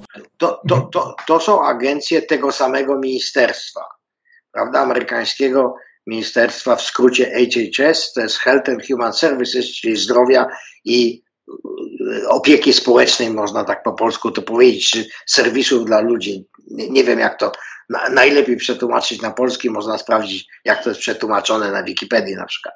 Nie wiem. Ale w każdym razie CDC zajmuje się, początkowo miało się zajmować chorobami e, infekcyjnymi, prawda? Czyli powodowanym przez różnego rodzaju. I pierwsza misja CDC to było wyrugowanie e, ze stanów malarii. Prawda? Na południu, południowym wschodzie była malaria jeszcze w 40 latach.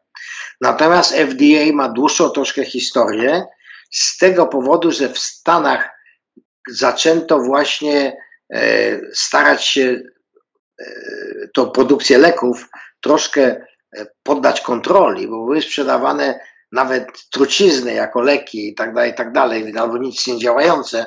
Więc to jest y, agencja kontroli właśnie żywności, żeby nie była, a żywność, no to nie wiem, czy Państwo pamiętają, jak się pozwoli, to, to, to firmy będą robić różnego rodzaju rzeczy. A sprzedawano y, y, wodę zabarwioną wapnem jako mleko. Więc były różnego rodzaju w Stanach, więc były różnego rodzaju do XX wieku przekrętu, chociaż w XXI ten przekręt przebił wszystko. Prawda?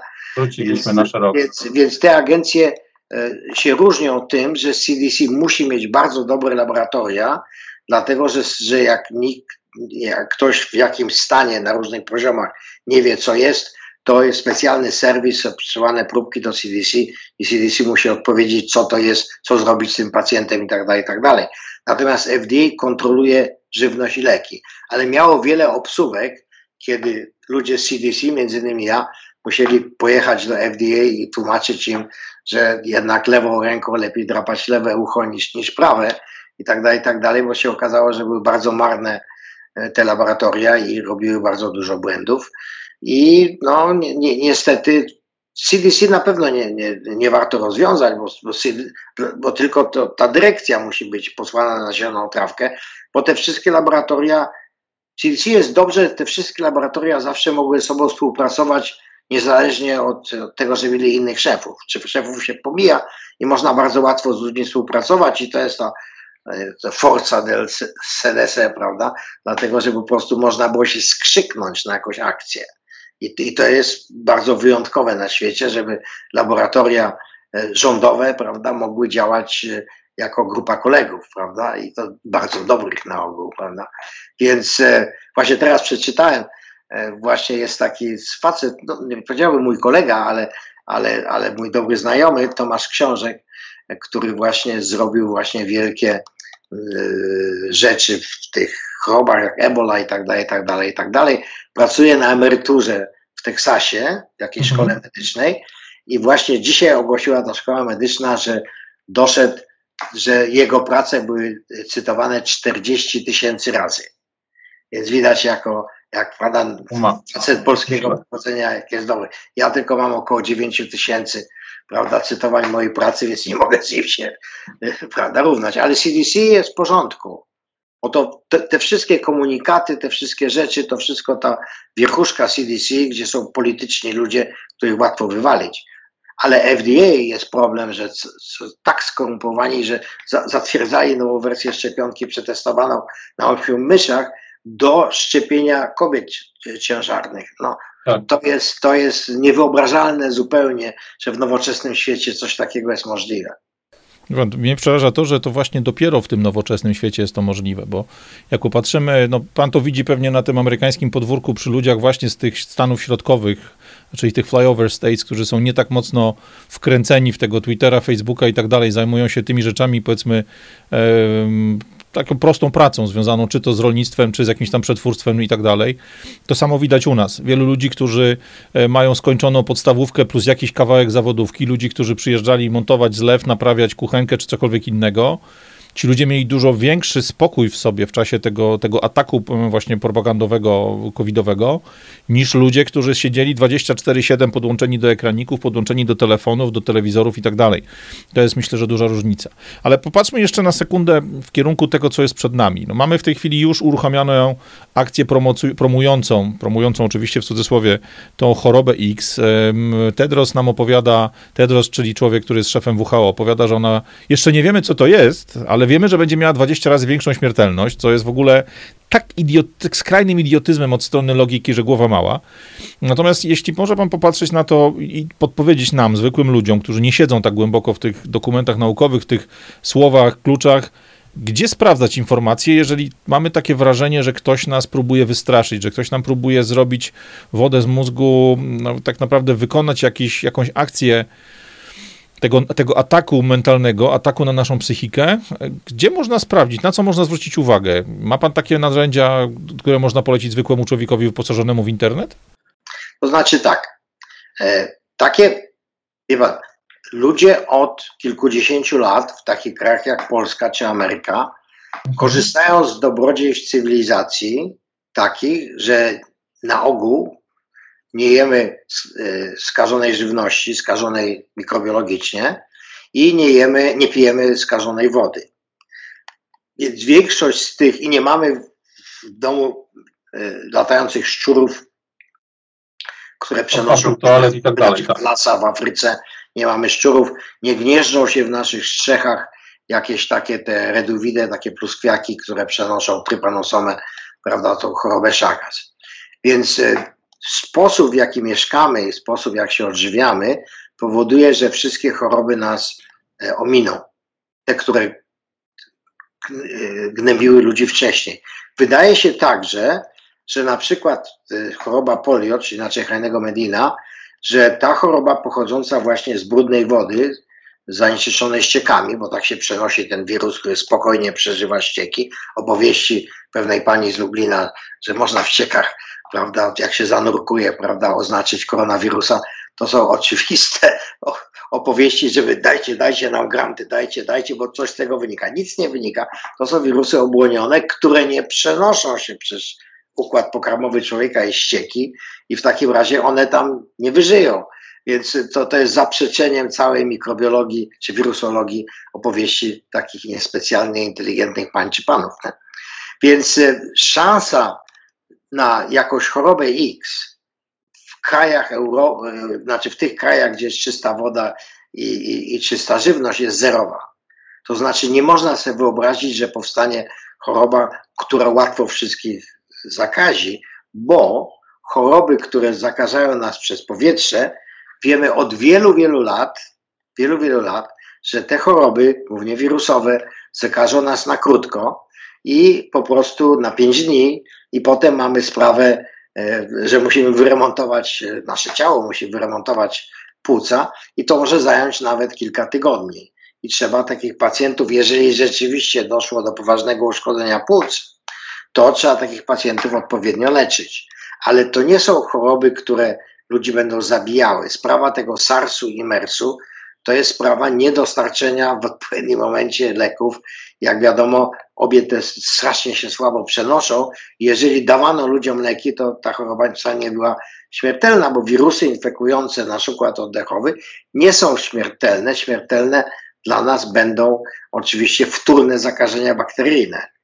Oczywiście, ja to doskonale wiem, ci, którzy powiedzą, że pominąłem sprawę, że może być odpowiedź, prawda, e, czy e, zapalenie e, na skutek działania naszego przewrażliwionego układu odporności. Oczywiście to może powstać, dlatego że u różnych ludzi różnie ten układ działa na płuca, jeżeli te płuca zostały mocno zniszczone i może dalej nas zniszczyć, tutaj przypominam o tej właśnie burzy cytokinowej. Tak. Więc jeżeli się odrzuci całą medycynę, doświadczenie, prawda, od 80 lat i się weźmie e, jakieś opowieści ludzi, którzy mówią, tak, tak, będzie szczepionka, nie będzie szczepionki, wystarczy normalne leczenie przemocy środków przeciwzapalnych i antybiotyków.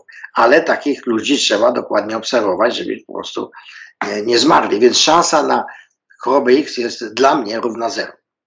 Okej, okay, ale to y, ja na to patrzę mniej od strony prawdziwej medycyny, o której Pan mówi, czyli prawdziwego zagrożenia chorobowego, które może nas faktycznie dotknąć, które może nas sponiewierać albo uśmiercić.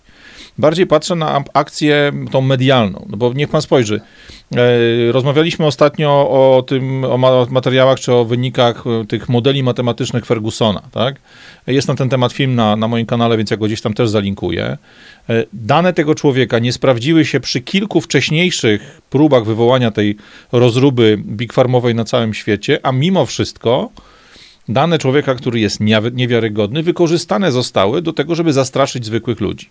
Ja się bardziej obawiam tej sytuacji ty, przy tej nowej odsłonie, że oni pokażą nam znowu jakieś cholerne ciężarówki z Bergamo, jakieś e, zwłoki ludzi układane w hali, tak jak mieliśmy po, e, po sprzedawane nam jako trupy covidowe, tak naprawdę nagrania, z, e, które są następstwem katastrofy promu Concordia, czy tam wycieczkowca Concordia i tak dalej. Czy jest coś takiego, gdyby się okazało, że pana wyłączą, mnie wyłączą, wyłączą tych wszystkich ludzi superwartościowych, e, którzy informowali nas w trakcie COVID-a, bo cały czas tą informację mieliśmy, co może zrobić zwykły człowiek, na jakie elementy powinien zwracać uwagę w takim przekazie medialnym, tych mediów głównego nurtu, je, jeżeli będzie się zbliżała akcja albo uruchomi się akcja właśnie sprzedawania tego pomysłu, lokowania tego pomysłu w naszych głowach, żebyśmy byli bezbronni na najbliższe nakazy, zakazy, polecenia. Czy jest coś takiego, na co warto zwrócić uwagę pańskim zdaniem? No więc e, e, pierwsza rzecz to jest pomysł pana Radka Pogody, o ile pan go pamięta i ten, bo to jest, to było super.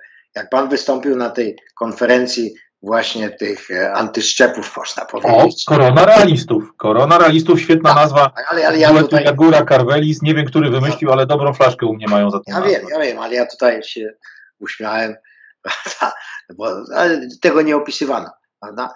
Wie pan, i to jest bardzo ważne. Mówię to ja, a ja byłem wydawcą miesięcznika, który przez pewien okres czasu w stanie wojennym miał e, największe nakłady, bo dochodził do 30 tysięcy egzemplarzy miesięcznie. Dzięki wspaniałej pracy inżyniera Stanisława Kotowskiego, który był szefem techniki. Oczywiście ja się nie nadaję na szefa techniki, raczej na, na autora, prawda? E, bardzo antykomunistycznych rzeczy, które się pojawiały w tym miesięczniku Niepodległość. Więc e, trzeba, prawda, róbmy swoje, czyli tak jak pan mówił, teraz jak jest internet, możemy nawet myśleć o jakimś, inter, jakimś nawet alternatywnym, prawda, e, systemie. Zresztą wiemy, a że te alternatywne systemy istnieją, jak Rumble, jak, jak ten. Jak jak Odyssey. Tak, jest, jest, jest, jest wiele takich, takich, takich e, tych miejsc na internecie, jak Twitter, jak na razie, prawda? I to są bardzo ważne miejsca. I teraz trzeba propagować, co świetnie pani Magdalena Nowakowska robi, i że trzeba używać VPN-u, żeby ominąć różnego rodzaju zapory, które stawiają. To jest, my możemy to robić na dole, przygotowywać prawda, prasę podziemną w wykonaniu internetowym. Zresztą e, e, bardzo mi się podobało coś takiego, bo wszyscy narzekają, a ci wszyscy ludzie patrzą w telefon. Więc pokazano w tym samym miejscu w Nowym Jorku przystanek autobusowy z 1930 chyba czwartego roku. Mhm. Stoją wszyscy i mają gazetę. No tak, Jest 2023, stoją wszyscy i patrzą na telefon. A jak to pan ma, Pan ma swoje lata, panie normalnie, to pan pamięta te wszystkie rzeczy pomiędzy, gości z Walkmanem jak wyszedł, te charakterystyczne słuchawki metalowe, chwilę później były białe słuchawki od, od iPodów, e, chwilę później białe słuchawki iPodów zamieniły się na iPhony. Sorry, ja nie kupuję tego, to znaczy powód do tego, żeby się odmurzyć, żeby przestać patrzeć dookoła, żeby przestać myśleć, analizować i tak dalej, zawsze był. Tu doktor, znaczy profesor Wielomski ładnie mówi, że około 80% ludzi w ogóle nie myśli, nie uruchamia tych funkcji kognitywnych, głębokich skojarzeń, e, łączenia faktów i tak dalej. Więc ci ludzie zawsze byli. Ja nie chodzi mi o te 80%, moje podejście pan zna, tak? Ja gadam do tych, którzy mają otwarte jedno oczko e, i ja zawsze ten nacisk kładłem na, na to, żebyśmy się łączyli między sobą w różnych miejscach i na Twitterze, i na LinkedInie, i gdzieś tam, i gdzieś tam. E, a jeśli trzeba, to wymieniajmy się też mailami. Natomiast czy jest coś takiego, gdyby naprawdę próbowali nas wyciąć e, i na przykład, dajmy na to, trafiamy, czy zostaliśmy odcięci od tych ludzi, których słuchamy na, na co dzień, z tych komunikatów, czy jest coś, co się pańskim zdaniem powtarza? Właśnie jakieś takie, o, nie wiem, wyświechtane, powtarzane za każdym razem słowa klucze, jakieś e, skala, takie, nie wiem jak to nazwać, po angielsku to jest grandiose, wielkie to właśnie straszenie z tego wysokiego konia. Czy jest coś takiego, co powinno nam z automatu uruchamiać dzwonki alarmowe? Znaczy, znaczy jeszcze, jeszcze jest jedna rzecz, jest, są dwie rzeczy do tego, co pan, co, znaczy do pomysłu pana, pana Radosława Pogody, czy Radka Pogody. E, e, następny pomysł, który jest tak za rogiem, może jeszcze tego dożyje, jest za rogiem, to jest bezpośrednia łączność satelity do telefonu. Mhm. Jeżeli to będzie, to oczywiście znamy, pan tego nie pamięta, ale były, prawda, zagłuszaczki wolnej Europy, ale no. zawsze to można było ominąć. Więc tutaj też mam nadzieję, że jeżeli wyłączą te wieże, prawda, to będzie, i też Musk, prawda, robi to w tej chwili, ta trzecia generacja tych Starlinków jest, jest po to, żeby to robić bezpośrednio do telefonu i T-Mobile, którego tu mam prawda, w Stanach i w Polsce, też mam kartę T-Mobile, to właśnie e, w, będzie pierwszą firmą, która będzie to w swoich telefonach e, oferowała. I to jest coś, co, co chyba wzbudza sens powiek tych różnych cenzorów. Ale trzecia rzecz najważniejsza to jest, żeby zrozumieć, że znowu ci wszyscy, tym razem synowie i córki cenzorów czasów komuny, spokojnie, nie chcę wymieniać nazwisk, ale wiemy o kogo chodzi, spokojnie wciskają do Unii Europejskiej włącznie, co nie przeszło w Stanach. Biden próbował zrobić office dla dezinformacji, ale w Europie to zrobiono. To już poszło, tak? Że jest dezinformacja i stąd można coś ten, ale to jest cenzura, którą znamy z komunizmu i trzeba wszystko robić politycznie, po kolei z różnymi posłami rozmawiać, że jeżeli chcemy się przed następną klęską uchronić, nie mówię chorobą X, to musi być zakaz wprowadzania cenzury czy uważania, że coś jest dezinformacją. Jedynie wolny rynek idei, co mamy w Stanach, prawda? W dużej mierze, nie powiem, że kompletnie, ale w dużej mierze. Nawet New York Times czasami wydrukuje coś, co normalnie wydrukowała tylko prasa podziemna, dlatego że chce utrzymać prawda, klientów. I to jest bardzo ważne, dlatego że po prostu jeżeli ciągle biorą takiego tłustego faceta, który ma z synem fundację, a jest pediatrą i nie zna się na chorobach infekcyjnych, do komentowania na temat COVID-u, który ostatnio opowiadał, chyba zwariował, że COVID to jest to samo co HIV, no to chyba tego faceta, on może gadać, ale trzeba z kimś skonfrontować, kto, kto, pod, kto powie, że 2 plus 2 równa się 4, bo ten pan e, o imieniu Paweł opowiada, że 2 plus 2 równa się 107. Więc on już przekroczył, prawda, granicę jakiekolwiek. Granicę, po prostu to jest paranoidalna schizofrenia i on przyjdzie kiedyś do, do, telewizji z karabinem maszynowym i wszystkich wystrzela, albo na ulicy, albo pójdzie do kościoła jakiegoś, prawda, bardzo nie lubi kościoła, więc w kościołach jakieś ludzi wystrzela, to takich ludzi trzeba jednak zamknąć chyba, bo są niebezpieczni dla otoczenia.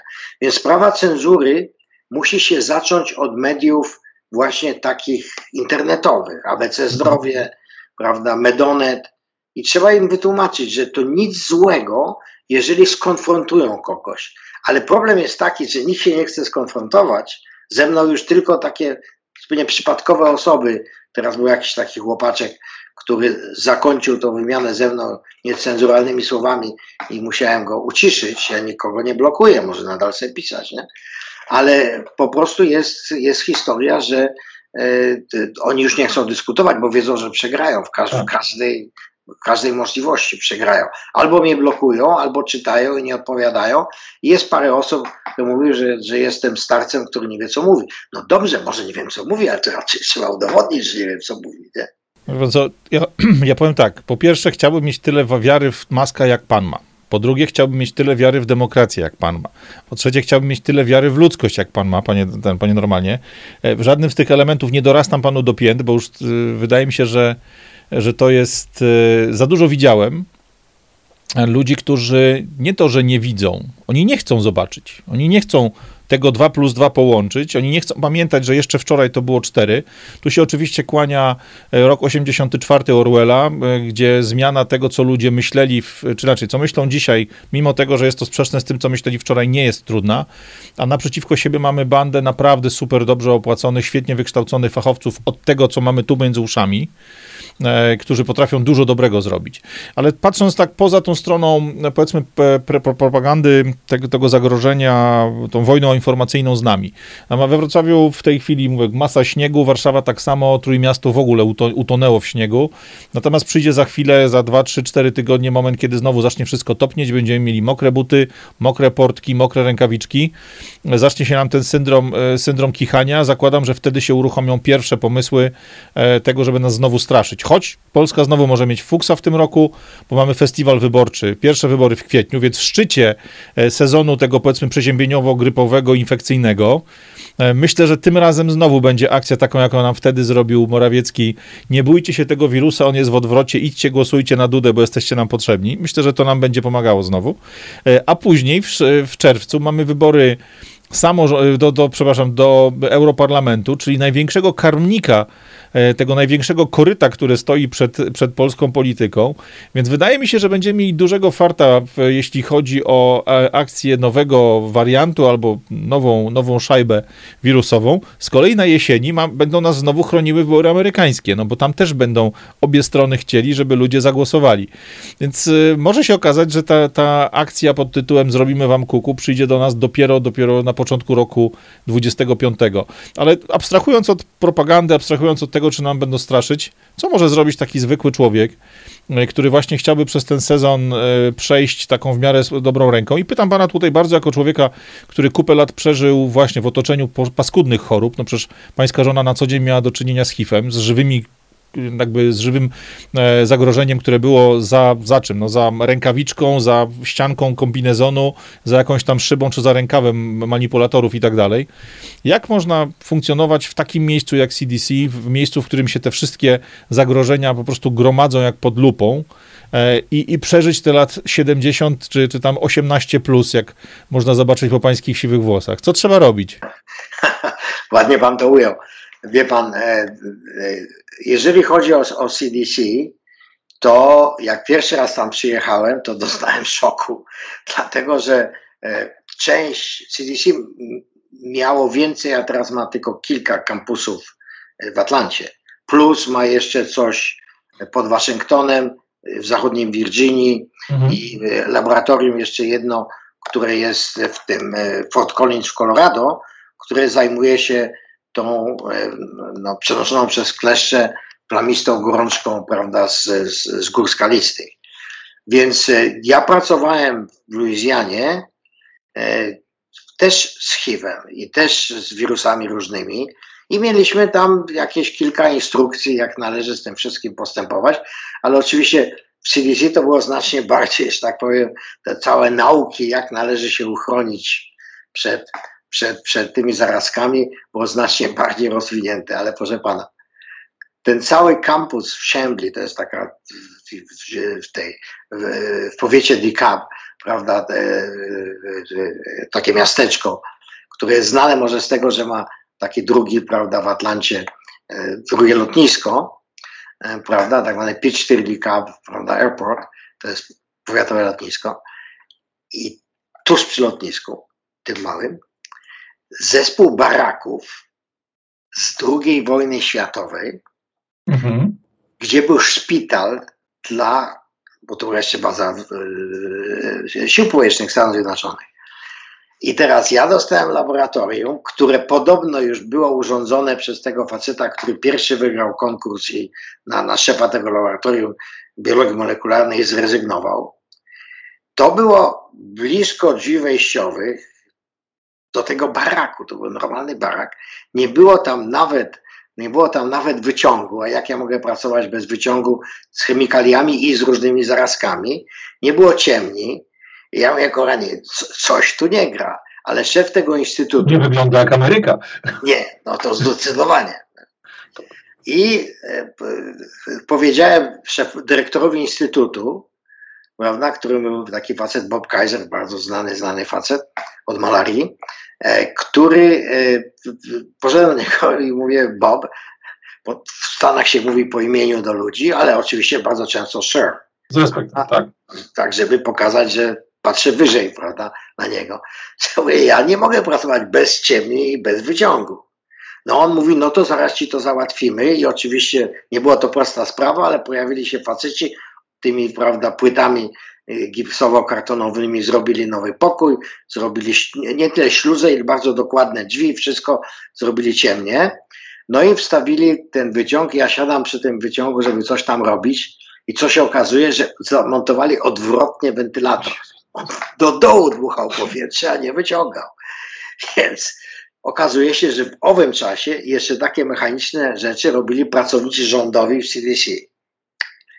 No więc było to straszne. Na szczęście widziałem drugi biegun zaraz po kilku dniach, prawda? Zacząłem pracować może tydzień przed moją żoną e, w czerwcu, końcu czerwca 2000, 1989, e, a ona pracowała w słynnym budynku 16. To był budynek, który Ronald Reagan przeznaczył na AIDS przy, oczywiście szuflowano obornik prawda, na, na, na Reagana, że przez niego jest ten AIDS, więc taki budynek jest zbudowany. To był budynek właśnie z XX wieku. Nie był z XXI, ale był z XX.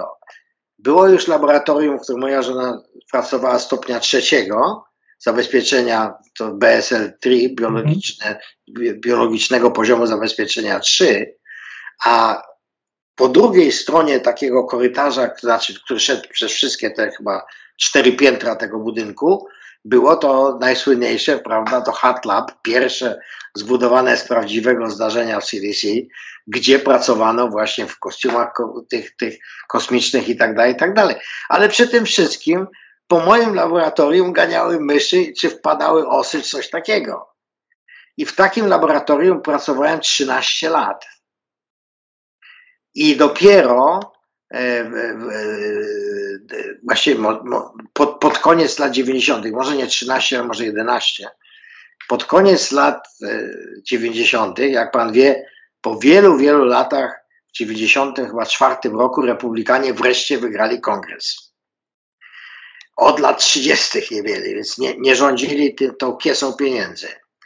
i nie przysłali jakiejś tam, prawda, z Senatu zwłaszcza nie przysłali na zwiedzenie tego CDC, tej części, gdzie ja pracowałem, senatorów, którzy, prawda, tylko by chcieli jakiś obiad, coś takiego, tylko swoich pracowników, staffers, prawda, czy że staff, którzy jak to zobaczyli, zobaczyli, że nie możemy wejść do sali konferencyjnej, bo termity zjadły podłogę i można tam wpaść, nie?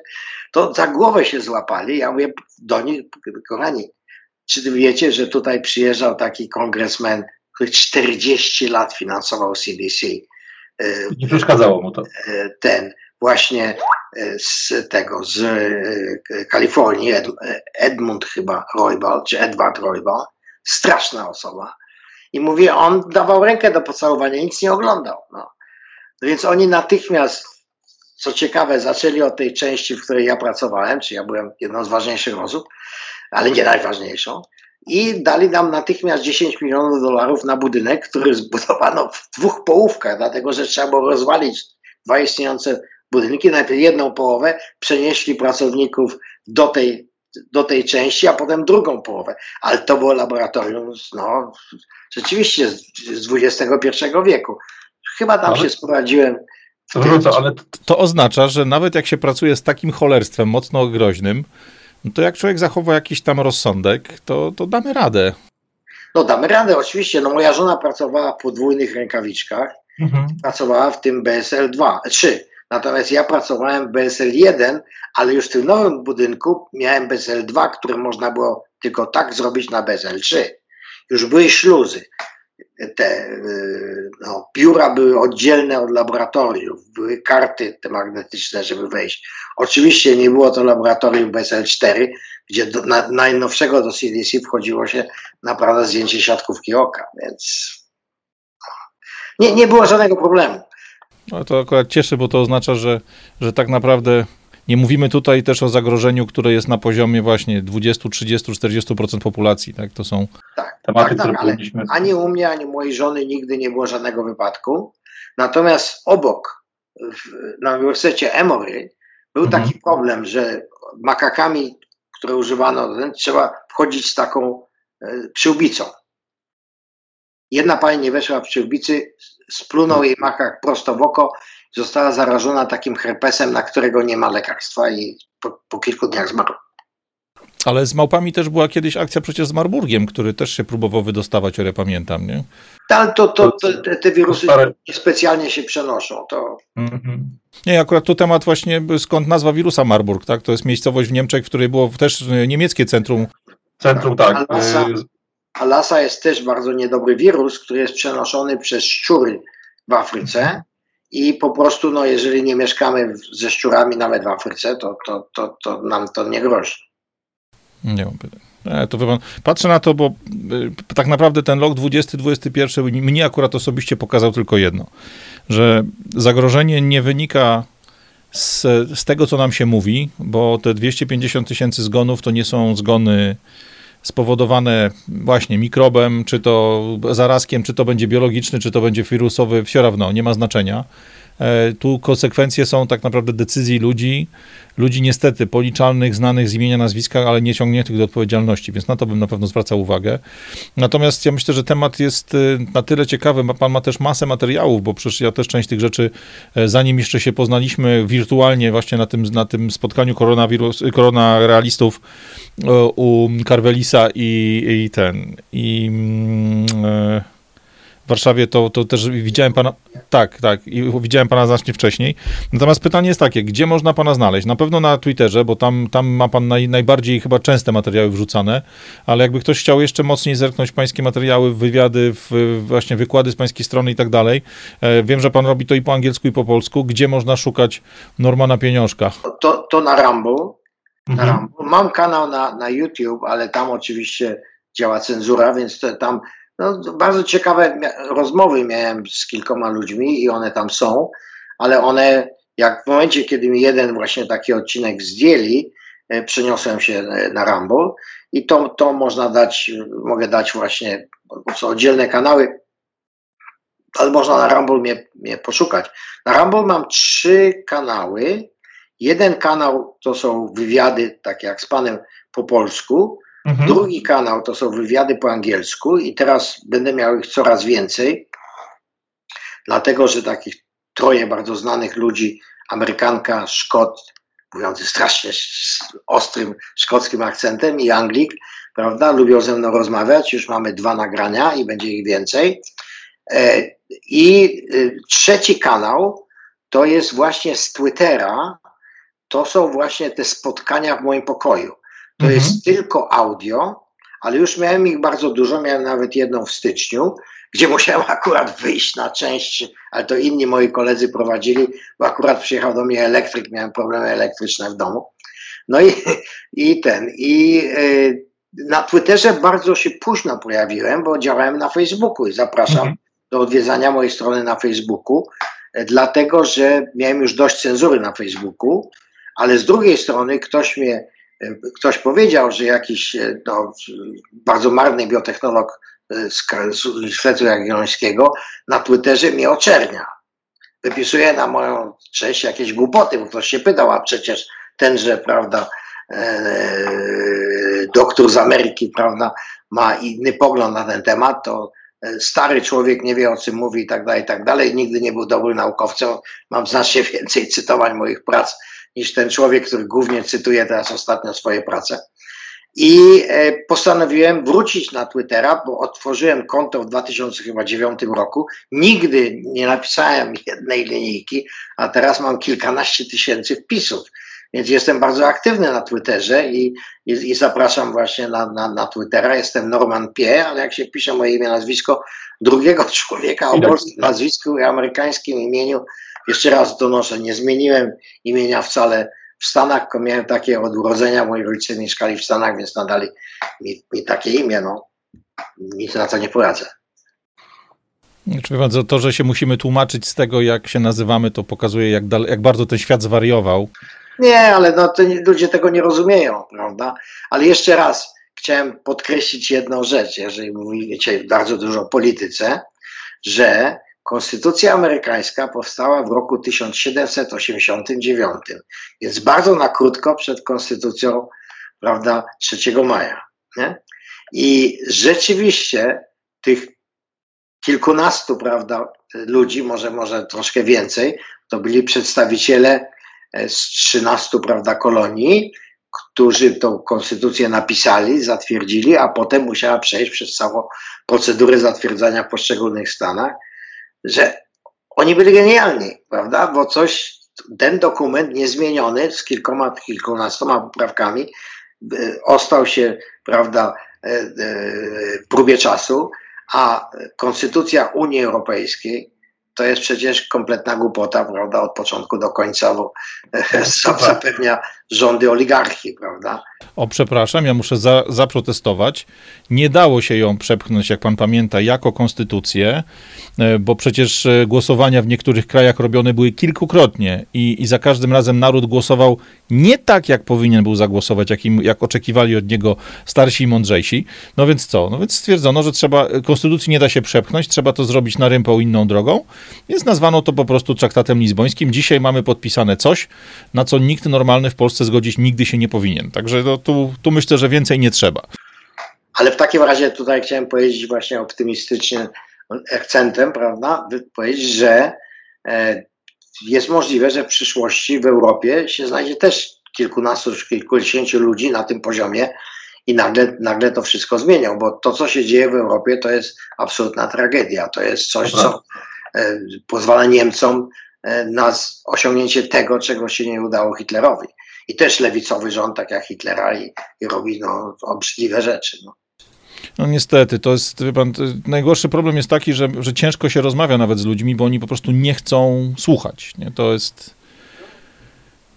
Mamy to, to szaleństwo kompletne gdzie jak się pyta Polaków o poszczególne polityki, o poszczególne elementy, czy to związane z ekologią, czy to związane z podnoszeniem kosztów życia, zakazem użytkowania starych samochodów, zakazem, e, powiedzmy, nie wiem, czy nakazami, które sprawiają, że musimy dużo więcej pieniędzy wsadzić w nasze domy, mieszkania niż kiedykolwiek i tak dalej. Jak pytamy Polaków o te pojedyncze elementy, o te pojedyncze polityki, to wszyscy mówią, nie zgadzam się na to, to jest nienormalne.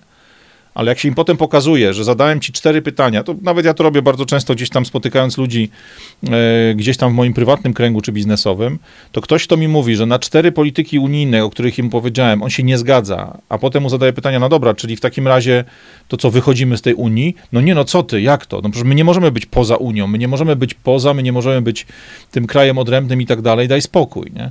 Widzi pan, to jest ten, ten ból, że, że to jest takie trochę, jakby Kaśka chciała być trochę w ciąży, że chcielibyśmy mieć z Unii tylko to, co dobre, i odwracamy głowę, uciekamy od świadomości tego, że to wszystko jest opłacone kolosalną ceną, ceną w postaci właśnie pełnej dyspozycyjności, pełnego poddania tym szalonym pomysłom lewackim, tym szalonym pomysłom marksistów, trockistów, ludzi, którzy są kompletnie odrealnieni i ludzi, którzy nam zrobią krzywdę z uśmiechem na ustach i z pełnym spokojem, tak jak robili nam przez te dwa covidowe lata. To jest, to jest absolutna granda.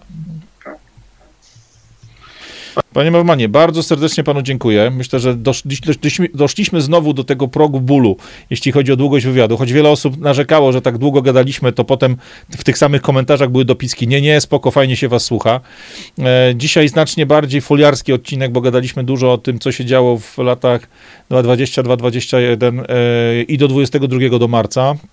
Natomiast myślę, że temat bardzo ważny, bo e, tak jak nie odpuszczają lekarzom, tym prawdziwym lekarzom przez duże L, którzy stanęli na wysokości zadania i dalej ich nękają, tak myślę, że będą nękać nas y, po to, żeby właśnie skasować możliwość jakiegokolwiek um, oporu, jakiegokolwiek, jakiejkolwiek wymiany informacji. Więc takie rozmowy, które dzisiaj jeszcze są możliwe, korzystajmy z tego okienka czasowego. Może się okazać, że za miesiąc, dwa, szczególnie w Unii Europejskiej, nie będzie można się do nich dostać, albo takich jak my, myślących nieprawidłowo, myślących pod prąd, myślących trochę obok, będą po prostu kasować.